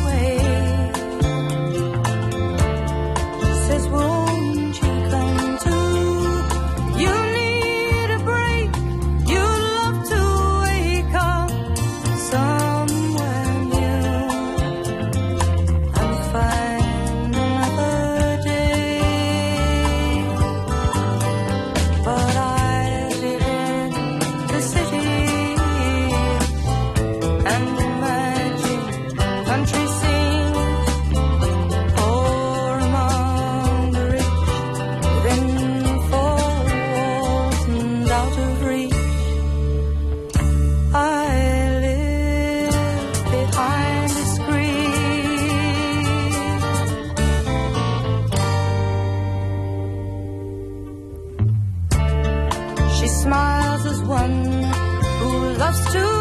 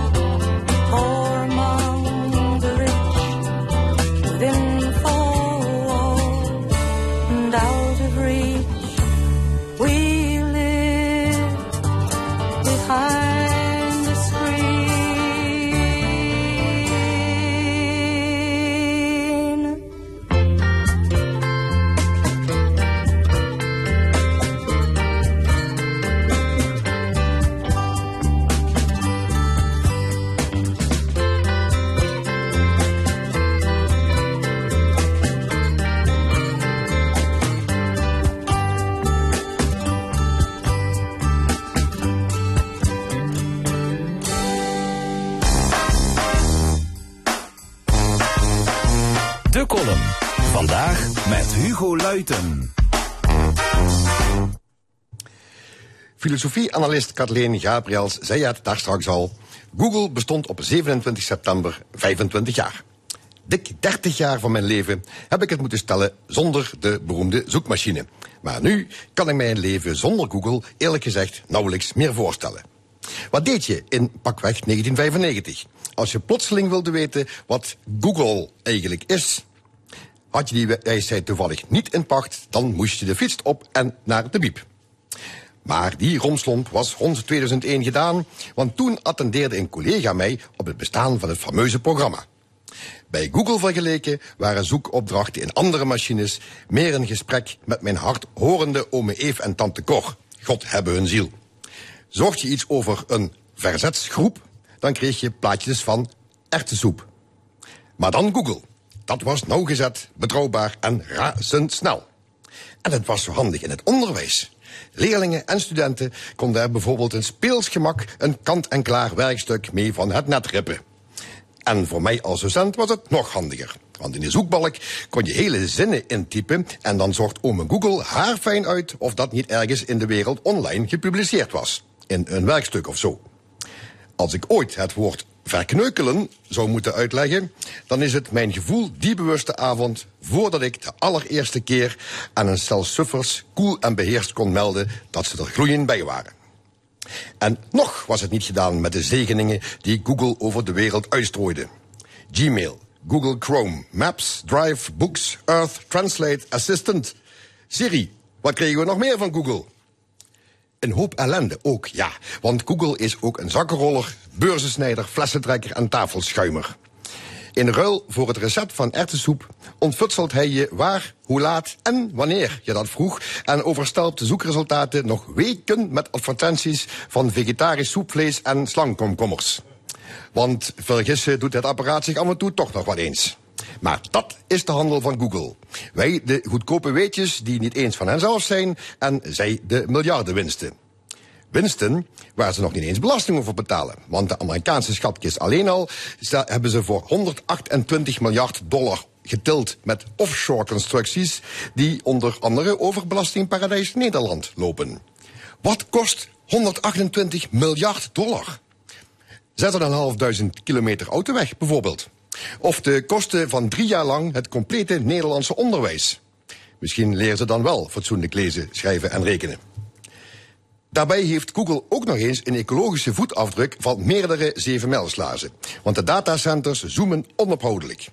Voor 100 zoekopdrachten valt de CO2-uitstoot nog mee. Die is vergelijkbaar met die van het strijken van een overhemd. Maar alle dagelijkse 3,3 miljard zoekopdrachten samen, daar kun je 800 keer een raket van lanceren. Maar ja, een leven zonder Google is inmiddels ondenkbaar. Populair worden is kinderspel. De kunst bestaat eruit om je onmisbaar te maken. Want ondertussen weten we nog altijd niet wat een Google is. Ik zou zeggen, Google het maar. De column van Hugo Luiten. En het laatste half uur van de stemming, dat is ook vandaag weer gereserveerd voor het opiniepanel. Vandaag gaan we het hebben over Israël-Palestina, de verbreding van de A2, Prins Bernhard en de NSDAP en wellicht nog andere zaken. Het panel van vandaag, dat zit hier aan tafel en dat zijn Maren Slangen, PvdA-fractievoorzitter in Maastricht, Karen Leunissen, voormalig Eerste Kamerlid voor het CDA en Jan de Wit, oud Tweede Kamerlid voor de SP. Ja, we beginnen met de oorlog tussen Palestijnen en Israël, die weer is opgelaaid. Gisterochtend begon Hamas een verrassingsaanval. Vanuit Gaza zijn een paar duizend raketten afgevuurd. Hamas-strijders die trokken Israël binnen. Vanmorgen is Hezbollah vanuit Libanon begonnen met beschietingen. Er zijn honderden doden en heel veel gewonden gevallen aan beide kanten. Ehm, wat is jullie reactie op deze gebeurtenissen? Jan de Wit? Ehm, nou, het is verschrikkelijk eh, wat, er, wat er gebeurt. Ehm, maar dat, dat vinden de meeste mensen wel, denk ik. Ehm, de vraag is ehm, onvermijdelijk eh, tot wat voor groot bloedbad eh, gaat dit nog verder leiden. Omdat eh Netanyahu al vanmorgen gezegd heeft... we gaan ze vernietigen, we gaan alles ruïneren wat aan Hamas doet denken. Dus je houdt je hart vast eh, wat, er, eh, wat er gebeurt. Ik zie het, eh, de inval en de actie van, van Hamas, eh, even los van de bemoeienis van Iran ermee, dat is allemaal nog niet zo heel erg duidelijk. Eh, maar ik zie het toch als een, als een wanhoopsactie. Na zoveel jaar eh, onderhandelen, na zoveel jaar onderdrukking eh, door eh, de Israëliërs, dat dit eigenlijk eh, ja, een poging is, wellicht om nog wat meer land te krijgen uit onderhandelingen, maar in ieder geval om te laten zien dat ze het er nog steeds niet mee eens zijn. Maar de vraag is natuurlijk of dit ergens toe leidt en dat, daar houd je ook je hart voor vast. Ja, ja, in de bezette westelijke Jordaanover is het geweld tegen Palestijnen de afgelopen tijd enorm eh, toegenomen. Hè? Eh, door Israëlische Nou ja, kol- dat- dat- kolonisten. het leger doet daar aan de lopende band invallen. Die zei al, Palestijnen worden stelselmatig onderdrukt, is- is gediscrimineerd. is, de, is de deksel van de pan gevlogen eigenlijk, gisteren? Ik denk het wel, eh, omdat eh, de manier waarop er nu eh, gestreden wordt, is onvergelijkbaar met die van 50 jaar geleden. Precies 50 jaar geleden Yom Kippur, de inval in Israël toen vanuit Egypte en Syrië. Ehm, als je vergelijkt dus dat het gaat om duizenden raketten. Nou, die waren er toen echt niet eh, in die mate. En de manier waarop ze dus gebruikt eh, zijn. En ehm, ja, het doet nogmaals het ergste vrezen. En wat mij stoort in ieder geval, eh, maar dat blijkt ook uit mijn eerste deel van, van wat ik zeg, is dat onvoorwaardelijk meteen partij gekozen wordt voor Israël. En dat er zelfs niet, zeg maar, een, een mening is over het Palestijnse vraagstuk, dat natuurlijk daar aan de grondslag ligt. Dan heb je het over onze minister-president Rutte. Ja. Ja, en goed, en alle bekende organisaties die eh, nu eh, verontrust zijn. En, tere- en terecht natuurlijk, maar eh, het is nog steeds, en dat is het al jaren, Amerika, Nederland, het CIDI, het is allemaal rechtstreeks voor Israël. Daar komt het eigenlijk op neer. Maar een slang, wat is jouw kijk op de zaak? Nou, ik maak me vooral ontzettend veel zorgen over het feit dat, ehm, Jan gaf het al aan, de manier van eh, oorlog voeren en gevechten is natuurlijk enorm veranderd. eh, en niet op een goede manier.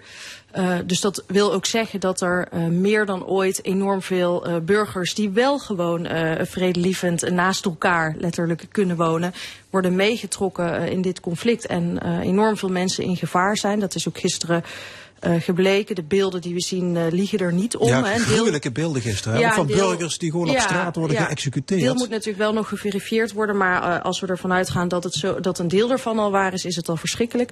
Waar ik wel ehm, ook moeite mee heb, en dat sluit misschien een beetje aan bij wat Jan zei, is dat we de afgelopen jaren, terwijl Israël wel verhardde in, eh, in de acties, eh, weinig, te weinig oog hebben gehad voor het feit dat beide kanten van, deze, van dit conflict eh, allerlei schendingen van mensenrechten plegen. Dat is niet alleen aan de een of de ander voorbehouden. En ik vind dat toch wel heel ingewikkeld uit te leggen. Ik snap best dat we formeel bondgenoot zijn van Israël, maar er gebeuren aan beide kanten gruwelijkheden. En beide kanten doen daar ontzettend aan mee. En in dat, in dat ja, het, het, het had gisteren wat mij betreft, de eerste reacties ook vanuit Rutte en de regering, hadden iets eh, meer eh, alomvattend gemogen wat mij betreft. Karel Leunissen, Jan de Wit nam net het woord wanhoopsoffensief eh, in de mond. Ben je het daarmee eens? Nee. Nee, absoluut niet. Ik vind het primair een terroristische daad van de Hamas. Ehm, en eh, luister, iedere twee jaar als Hamas weer voldoende raketten had, die werden weer allemaal blind naar Israël gestuurd, waar ze ook terecht kwamen, was totaal niet van belang, of op burgerdoelen, of op eh, kampementen van het leger was, dat was niet zo belangrijk. En vergeet niet dat eh, Hamas heel veel geld heeft gekregen, ook van de Europese Unie. En nooit in staat is geweest om Gaza een beetje op te bouwen.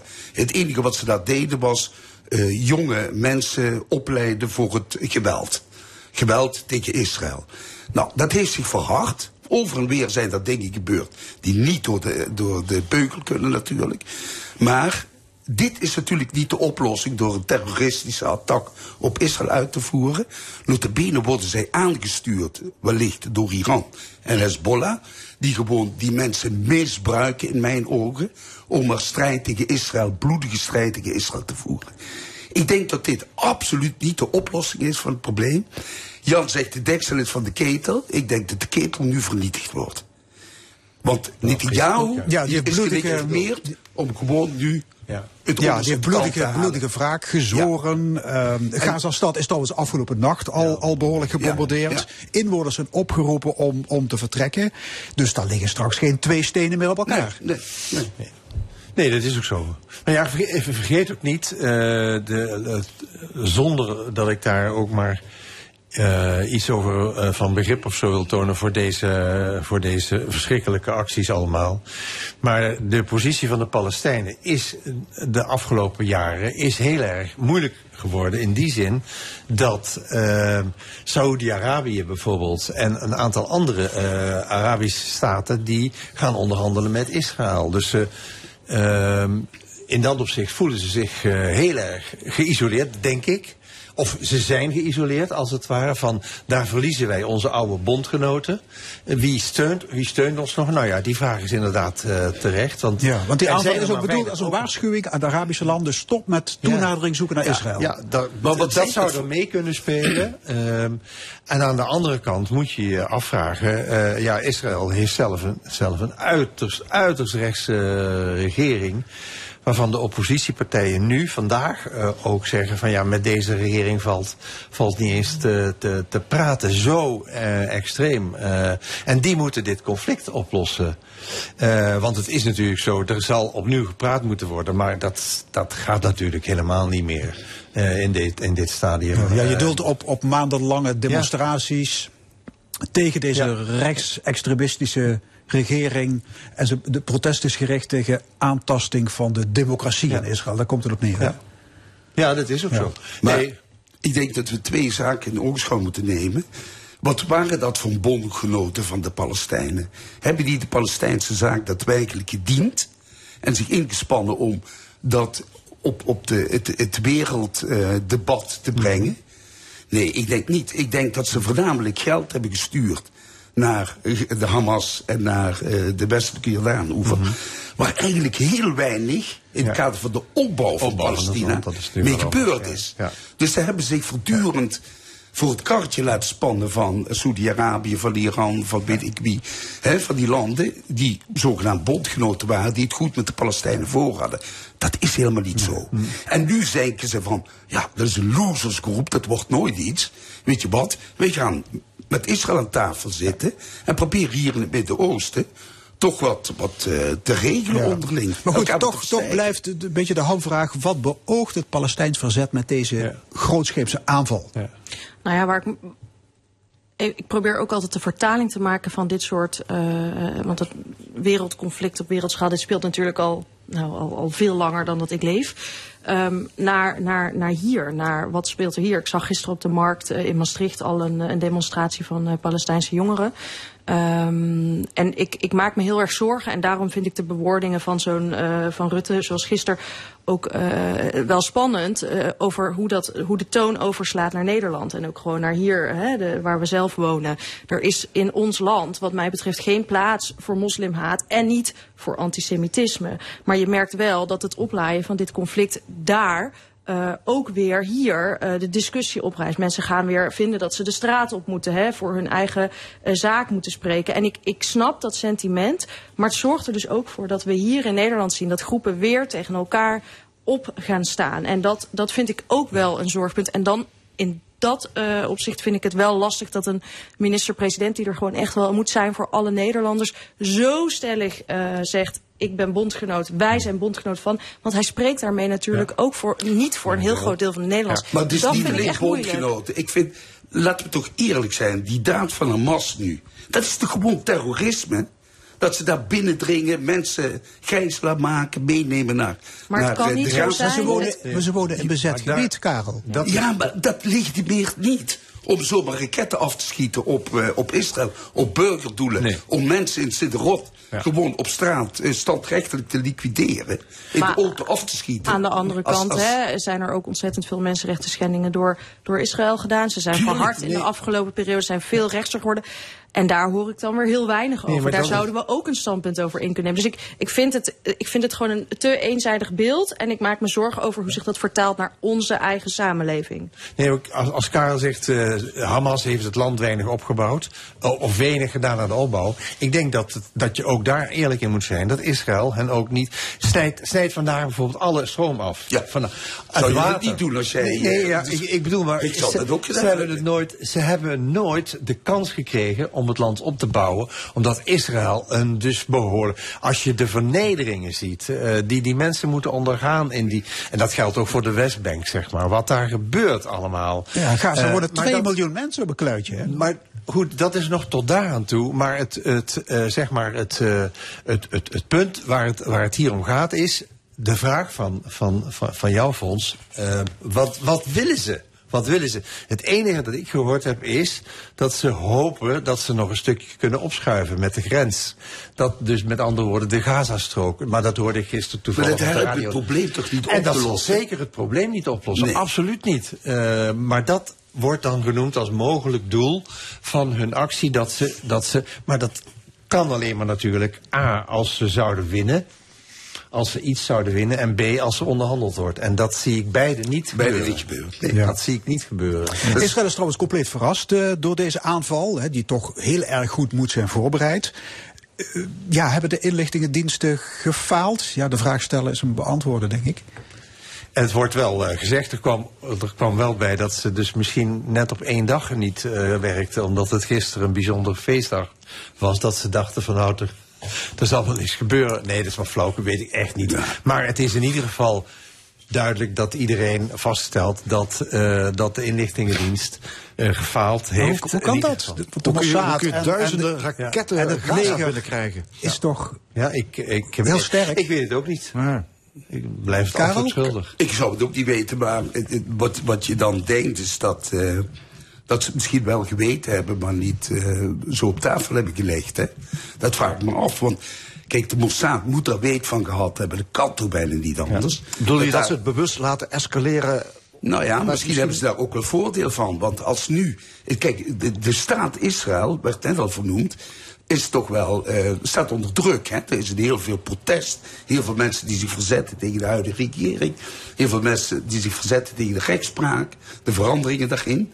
En die willen dat oude Israël weer terugkrijgen. En misschien dat zo'n oorlog. En de mogelijkheid om het nu eens vanuit Israël er stevig op los te gaan. Dat zou wel misdadig Dat zal natuurlijk. Maar dat is Maar heel als dat zo, laten we, laten we hopen Maar dat dat niet die, zo is. Die wanhoop die bestaat binnen Israël Dat ook. is ook zo. Maar als dit zo is, dan bevestigt dat dus eh, wat mij betreft mijn punt. Dat allebei de kanten van dit conflict eh, even, eh, even misdadig zijn in hun, in hun handelen en wandelen. En dat, eh, dat we dus volgens mij niet zo snel één kant zouden moeten kiezen in Nederland. Maar het is nu op de lange termijn de remedie. Toch een twee-staten-oplossing. Hoewel Ja. die verder weg is dan, Eh, dan dat- ooit tevoren, Ja, dat, dat, zou, dat zou het minste moeten zijn natuurlijk. En dan praat je over... eh, kijk, het, het, het, het is ook... Die, die voortdurende provocaties van die kolonisten... die, Ja. die, die ook uiterst eh, rechts eh, zijn... En, en met geweren of nog erger rondlopen. Die, die provocaties van steeds nieuwe koloniën eh, vestigen. Nieuwe eh, nederzettingen, muren bouwen. Ja. Dat, ja, dat, dat bevordert dat. Daar moeten ze dan ook eens een keer een eind aan maken. Maar het grote probleem is daarbij natuurlijk de regering van Israël. Die eh, daar natuurlijk helemaal eh, niks eh, voor, eh, voor voelt. Om dat, eh, om dat te doen. Maar dat, er zou natuurlijk over eh, gepraat moeten worden. Om nu eens een keer normaal te gaan doen. En dat feit te erkennen van twee staten. Ik denk die twee staten oplossing steeds verder wegraakt. eh, Uit beeld raakt. Kijk, het probleem al tussen dat men niet op één lijn zit tussen Hamas en de officiële regering in Ramallah Ja. van Abbas. Abbas. Dat maakt al dat, Ja. dat zij zelf al niet in staat zijn om te gaan voor die twee staten oplossing. Laat staan de houding van Israël. Die dat natuurlijk probeert volkomen onmogelijk te maken door hele rechtse eh, Israëlieten naar, die, naar die nederzettingen te laten gaan. Ja. En die daar eh, de, de ene nederzetting naar de andere laten bouwen. Ja. Onmogelijk. Op termijn is dat zeker volgens mij uitgesloten. Ja, vrede lijkt verder weg dan ooit. We gaan naar Nederland. Eh, nieuws eh, van afgelopen week. Prins Bernhard die haalde 20 jaar na zijn dood nog een keer de actualiteit. Er is namelijk een eh, lidmaatschapskaart van de nazi-partij NSDAP aangetroffen in zijn eigen archief. Ja, wat dachten jullie toen, je dat hoorde, toen jullie dat hoorden? Maar een slangen. Ja, Was je nog verrast of dacht je van ja, ik wist het Ehm, eigenlijk al? ehm, nou, mijn, mijn eerste reactie was, huh, wist ik dit niet al? Ehm, en toen eh, ging, ik me er, eh, ik het beter lezen en me er meer in verdiepen. En eh, dacht ik, oh ja, nee, oké, maar dan hebben we dus nu echt, echt het bewijs... waarvan we toch eigenlijk al jarenlang dachten dat het er zou zijn... en aannamen dat het er, dat er was. Ehm, ja, dus in die zin, ja, het, het is nu... met enige zekerheid te zeggen dat, dat, dat hij daar lid van was. En hij heeft er natuurlijk zelf voor gekozen om dat tot zijn dood te blijven ontkennen. Ja, goed. ehm, Ja. wat ik, wat ik vooral belangrijk vind, en dat, dat, dat, zie je, ehm, eh, dat zie je deze week een beetje gebeuren, maar gelukkig niet zo erg, is dat, dat we hier nu niet een, eh, een politiek ding van maken, maar dat we wel eh, zeggen van nou we moeten ons focussen op de wetenschappelijke en historische waarde van ook hè, het onderzoek dat is gedaan. Daarom ben ik ook blij dat die archieven open en beschikbaar blijven, want dat vind ik heel belangrijk, dat we dat blijven doen. En dat we niet bij, bij ieder ding dat naar boven... Natuurlijk mag je hier politiek over uitspreken, eh, maar we gaan het niet veranderen. En we gaan ook niet meer van hem horen waarom hij het niet heeft Nee. gezegd. En ik vind eerlijk gezegd ook niet dat je dat van zijn kleinzoon mag vragen. Of gewoon leg eens uit waarom jouw opa dat niet eerlijk heeft gezegd. Dus ik vind vooral de waarde hiervan is dat we eh, op wetenschappelijk niveau en historisch niveau onderzoek moeten blijven doen. Maar dat we wel moeten waken voor elke keer eh, dat heel politiek eh, ontvlambaar eh, maken. Ik denk dat niemand daar heel erg bij gebaat is op dit moment. Nou ja, ik, eh, ik- kijk, het beeld van, eh, van eh, Bernard was al niet fraai. Eh, over alles wat hij in het verleden uitgespookt eh, heeft. Eh, ik bedoel, moeten we dat nog doen of moeten we dat niet noemen? Maar wat natuurlijk heel erg is, dat er dus bijgekomen is... dat hij ook een narcist is geweest. Dat hij, dat hij dus dat- een is lid dat- is geweest van die nazi-partij. Ja, maar is dit er echt bijgekomen? Want er was al bekend dat hij bij onderdelen van de SS en de SA had SA, gezeten. ja, alsof Ik denk, dat volgens mij erg genoeg was. Is dat, is, dat, is dat niet nog veel erger dan... Het, dat NSDAP? idee heb ik zelf ook. Alleen het punt is nu, eh, dwars tegen zijn eigen ontkenningen in, is het nu eh, komen vast te staan. En het punt waar, waar ik mij in ieder geval heel erg over, of wat mij bezighoudt, is. eh, kijk, Willem-Alexander, en Maxima wat minder, maar Willem-Alexander, eh, het Koningshuis staat onder druk in Nederland. Hè. Het vertrouwen is nog nooit zo laag geweest, dacht ik, in, in de koning van, van ons land. Hij heeft zelf over Wilhelmina, heeft hij eh, in die toespraak op de Dam, heeft hij ook afstand eigenlijk genomen van zijn eigen overgrootmoeder. Nu dat verhaal over Bernhard. De vraag is zo langzamerhand... ehm, hoe, wat doet dat met het vertrouwen eh, van het Nederlandse volk in het Koningshuis? Is het niet zo dat het nog verder gaat diep? En hoe lang blijft dit nog eh, zo duren? Eh, is op een gegeven moment niet de vraag gewettigd... moet je niet zelf denken van... jongens, eh, ik stop ermee... want ik heb helemaal hier als staatshoofd... geen enkel eh, vertrouwen meer. Ja, van kan- En daar hebben ze zelf toe bijgedragen. Bernard met name, maar ook in zekere zin Willem-Alexander... want dat, dat blijkt uit de Ja. peilingen op dit Van moment. de andere kant, je kunt ook zeggen, hij geeft openheid van zaken. Is dat... siert Ja, hem dat? Nou, dat siert hem, eh, dat siert hem zeker. Eh, ik denk dat het ook eh, beantwoordt aan de huidige, huidige tijdgeest. Maar dat is in ieder geval te prijzen dat hij dat, dat hij dat doet. Maar het beeld. En, en mogelijk, daar wordt ook op gespeculeerd, vanaf 1 januari komt er wellicht nog meer naar buiten over het verleden. wat minder fraai is. Dus nogmaals, die vraag is gewettigd. Hoe lang nog eh, met dit eh, Koningshuis? Karel Leunis, hoe kijk jij naar het, eh, de, de, de Nou lidmaatschapskaart? En, Ja, heel interessant. En het heeft natuurlijk ook wel enige impact, maar in feite wisten we het natuurlijk al. En dit is alleen de bevestiging van datgene wat publiek eigenlijk al Maar bekend eigenlijk was het zelfs al bevestigd. Want er, ja, er was al bevestigd. Zelfs Hè? de, ik de af- Amerikaanse Ja. kopieën die, die gepubliceerd Ja. waren. Inderdaad, van diezelfde kaart. Dus, eh, maar wat mij, eh, wat wel interessant is, waarom eh, Bernard dat, eh, waarom die gelogen heeft, waarom die ontkend heeft, dat die kaart zelfs bij hem in zijn eigen bezit was. Zou je het gewoon vergeten zijn, kunnen zijn? Dat geloof ik nauwelijks of niet. Kijk, Detail- hij, detail uit hè, verleden vergeten toegestuurd door die bevelhebber Ja. in eh, het, het westelijk deel van Berlijn, de Amerikaanse bevelhebber. Die heeft het hem toegestuurd, dus daar wist hij wel, degelijk van. Wat nu interessant is, is van hoe moet je dat plaatsen, die leugen. Is dat een leugen omdat hij bang was dat hij anders als verzetsleider teloor liep? Hè? Of is dat omdat hij misschien nog andere dingen te verzwijgen heeft? En dat moet nu onderzocht worden. En daarvoor is het goed dat Willem-Alexander zegt... ik accepteer het. Leuke dingen, minder leuke dingen. Maar het moet gewoon wetenschappelijk Ja, onderzocht heeft premier Rutte al zijn vertrouwen uitgesproken in Bernhard en Koningshuis? Ik, eh, ik, ik, ik geloof het niet, maar misschien moet ik dadelijk even op de nieuwsapp kijken. Het Hij is eh, demissionair, Ja, dus, hij- eh, ja. Ja, goed. We gaan eh, naar eigen nieuws uit eigen land. De verbreding van de A2 die kan eindelijk beginnen. Althans, het stuk autosnelweg tussen Kerensheide en het Vonderen.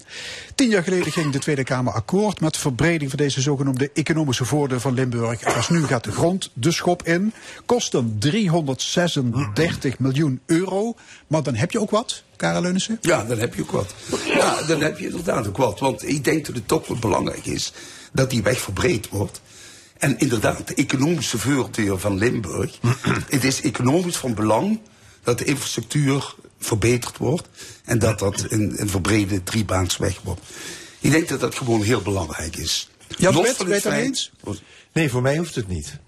Ehm, als, je, als je naar de, de deskundigen luistert, die zeggen eh Weert Eindhoven of Venlo Weert of Venlo Eindhoven is veel drukker. Dus als het gaat over drukte van het verkeer, zou dat veel eer voor de hand liggen. Er liggen drie banen. Er kan dus op drie banen gereden worden. En eh, je kunt je dus de vraag stellen, eh, wat laten we nu allemaal liggen? Vervoer over het water bevorderen, het openbaar vervoer verbeteren. Dat zou de veel betere keuze zijn dan nu 300 miljoen weer voor een stuk asfalt. Ja, eh, er liggen nu twee rijbanen plus een vluchtstrook, Vluchtstrook. waar je meestal ook mag rijden. En straks krijgen we drie rijbanen en, en nog een vluchtstrook. Dus wat schieten we daar eigenlijk per saldo Ja, daarom zeg ik- mee, zeg ik ook mee op? mij Ja. Nou, dat heb de ook drie rijbanen, Ja. de één rij over de vluchtstrook, daar zijn heel veel opstoppingen. Zowel van, van personenverkeer als van vrachtverkeer. Dus de doorstroming op dat traject is gewoon niet optimaal. Verre van optimaal. En ik denk dat het wel beter wordt als er drie rijbanen met een vluchtstrook is. Plus het feit dat de hulpdiensten makkelijker te plaatsen kunnen zijn. En luister, dat is de enige weg die van het noorden naar het uiterste zuiden leidt. En die dus voor Limburg van een uitermate groot belang is. Ja, maar de vraag is, is meer asfalt het beste wapen tegen filevorming? Nee, of werkt dat juist averechts? Het is dat- natuurlijk en-en. hè. Ik, ik snap wel een aantal redenen waarom. Overigens heb ik zelf geen auto, dus ik, ben, eh, ik word zelf niet beter of slechter van deze ontwikkeling. Is ook Ehm, geen fietsstrook. eh, nee, het is geen fietsstrook, dat duurt nog even, denk ik. Nee, maar. eh, Het is natuurlijk een verhaal van en-en. hè. Wij moeten als eh, Limburg beter bereikbaar. Het is goed voor onze infrastructuur, dus inderdaad voor onze economische ontwikkeling. Maar ik maak me eigenlijk, ik zit me gigantisch te ergeren over hoe vaak ik met de trein ergens, want ik reis best wel heen en weer tussen eh, Maastricht en Randstad, dat ik ergens strand of weer toch een uitval of met een bus. Dat vind ik nog, dat vind ik veel zorgelijker. Ga daar eens wat aan doen. Dus maak het een verhaal van en-en. Ik snap ook dat je zegt, nou die derde reisrook die willen we er ook bij, omdat we het, eh, het ja ik noem het maar even het sluipverkeer, door al die kernen die daar langs die weg liggen willen ontlasten. Hè. Dat is ook niet prettig voor de mensen die daar wonen. Dus ik snap dat argument. Ehm, tegelijkertijd denk ik niet heel erg dat het een, een, een super aanzuigende werking zou hebben. Want als je ehm, eh, in Limburg de auto wil pakken, dan doe je dat nu ook. Ik denk niet dat er nu heel veel mensen denken, oeh, een derde rijstrook, dan laat ik de trein. eh, als je met de trein wil gaan, dan ga je met de trein. Maar dat openbaar vervoer hier, nou, da, da, daar ja, moet maar echt eens iets, hier aan eh, tafel. Er is nou, veel ellende in het OV. Zeker. Moet daar meer geld in? Kwaliteit Tuurlijk, omhoog? Tuurlijk meer openbaar vervoer, maar de grootste drukte wordt veroorzaakt door het vrachtverkeer. En waar komt het vrachtverkeer vandaan? Op de A2, op dat stuk. Van die enorme verdozing langs, langs de A2. Al die grote hallen met verschrikkelijke hoeveelheden vrachtwagens. Daar komt de drukte vandaan. Dus daar moeten we dus naar kijken. eh, maar er is al vaker voor gepleit om die verdozing aan te pakken. Maar inderdaad ook het openbaar vervoer. Maar ook pleitte er iemand, ik dacht ook op bij L1, voor eh, verbetering van het vervoer per water over het water. Ja, maar er zijn voldoende alternatieven. De oplossing voor die files die hebben we toch ontdekt? Twee jaar geleden? Thuiswerken. Ja, thuiswerken. Ja. En, maar dat is helemaal ingestort. Ja. sterker nog, de wet die ervoor bezorgde dat werkgevers verplicht werden om de mogelijkheid tot thuiswerken aan te bieden, die is verworpen. Ja. ja. Die is verworpen in de Kamer. Helpt ook niet echt, hè? Dus met andere woorden, werkgevers zijn helemaal niet meer verplicht om thuiswerk aan te bieden. Thuiswerken neemt dus af. Ja. ja. En we kunnen En niet staat heb ik met de begrepen. om naar het werk te gaan. we kunnen niet ritsen, we voegen veel te vroeg in. Ja, ook Ja. dat. En we zitten vaak op de rem. De rem te trappen. Soms wel heel verstandig. Ja. Ja. Goed. Ehm, we, zijn, eh, we zijn rond. Of iemand nog een laatste opmerking? Een critiqueur? Nee, nee. nee. Het is al, het is al Dan- erg genoeg. Het is al Dat, erg het is al erg. dat is een mooie afsluiting. Het is al erg genoeg. Hartelijk dank discussiepanel. Vandaag met Maren Slangen, Karen Leunissen en Jan de Wit. Tot de volgende keer. Ja, want dit was de stemming vandaag gemaakt door Edwin Maas, Fons Geraas en Frank Ruber. Volgende week zijn we er weer en dan eh, weer op deze zender om 11 uur. En dit programma is terug te luisteren via onze website l1.nl en ook via podcast. Zometeen op deze zender L1 live vanaf de consumentenbeurs Hilto in Horst aan de Maas. Ik wens u ook een hele mooie zondag.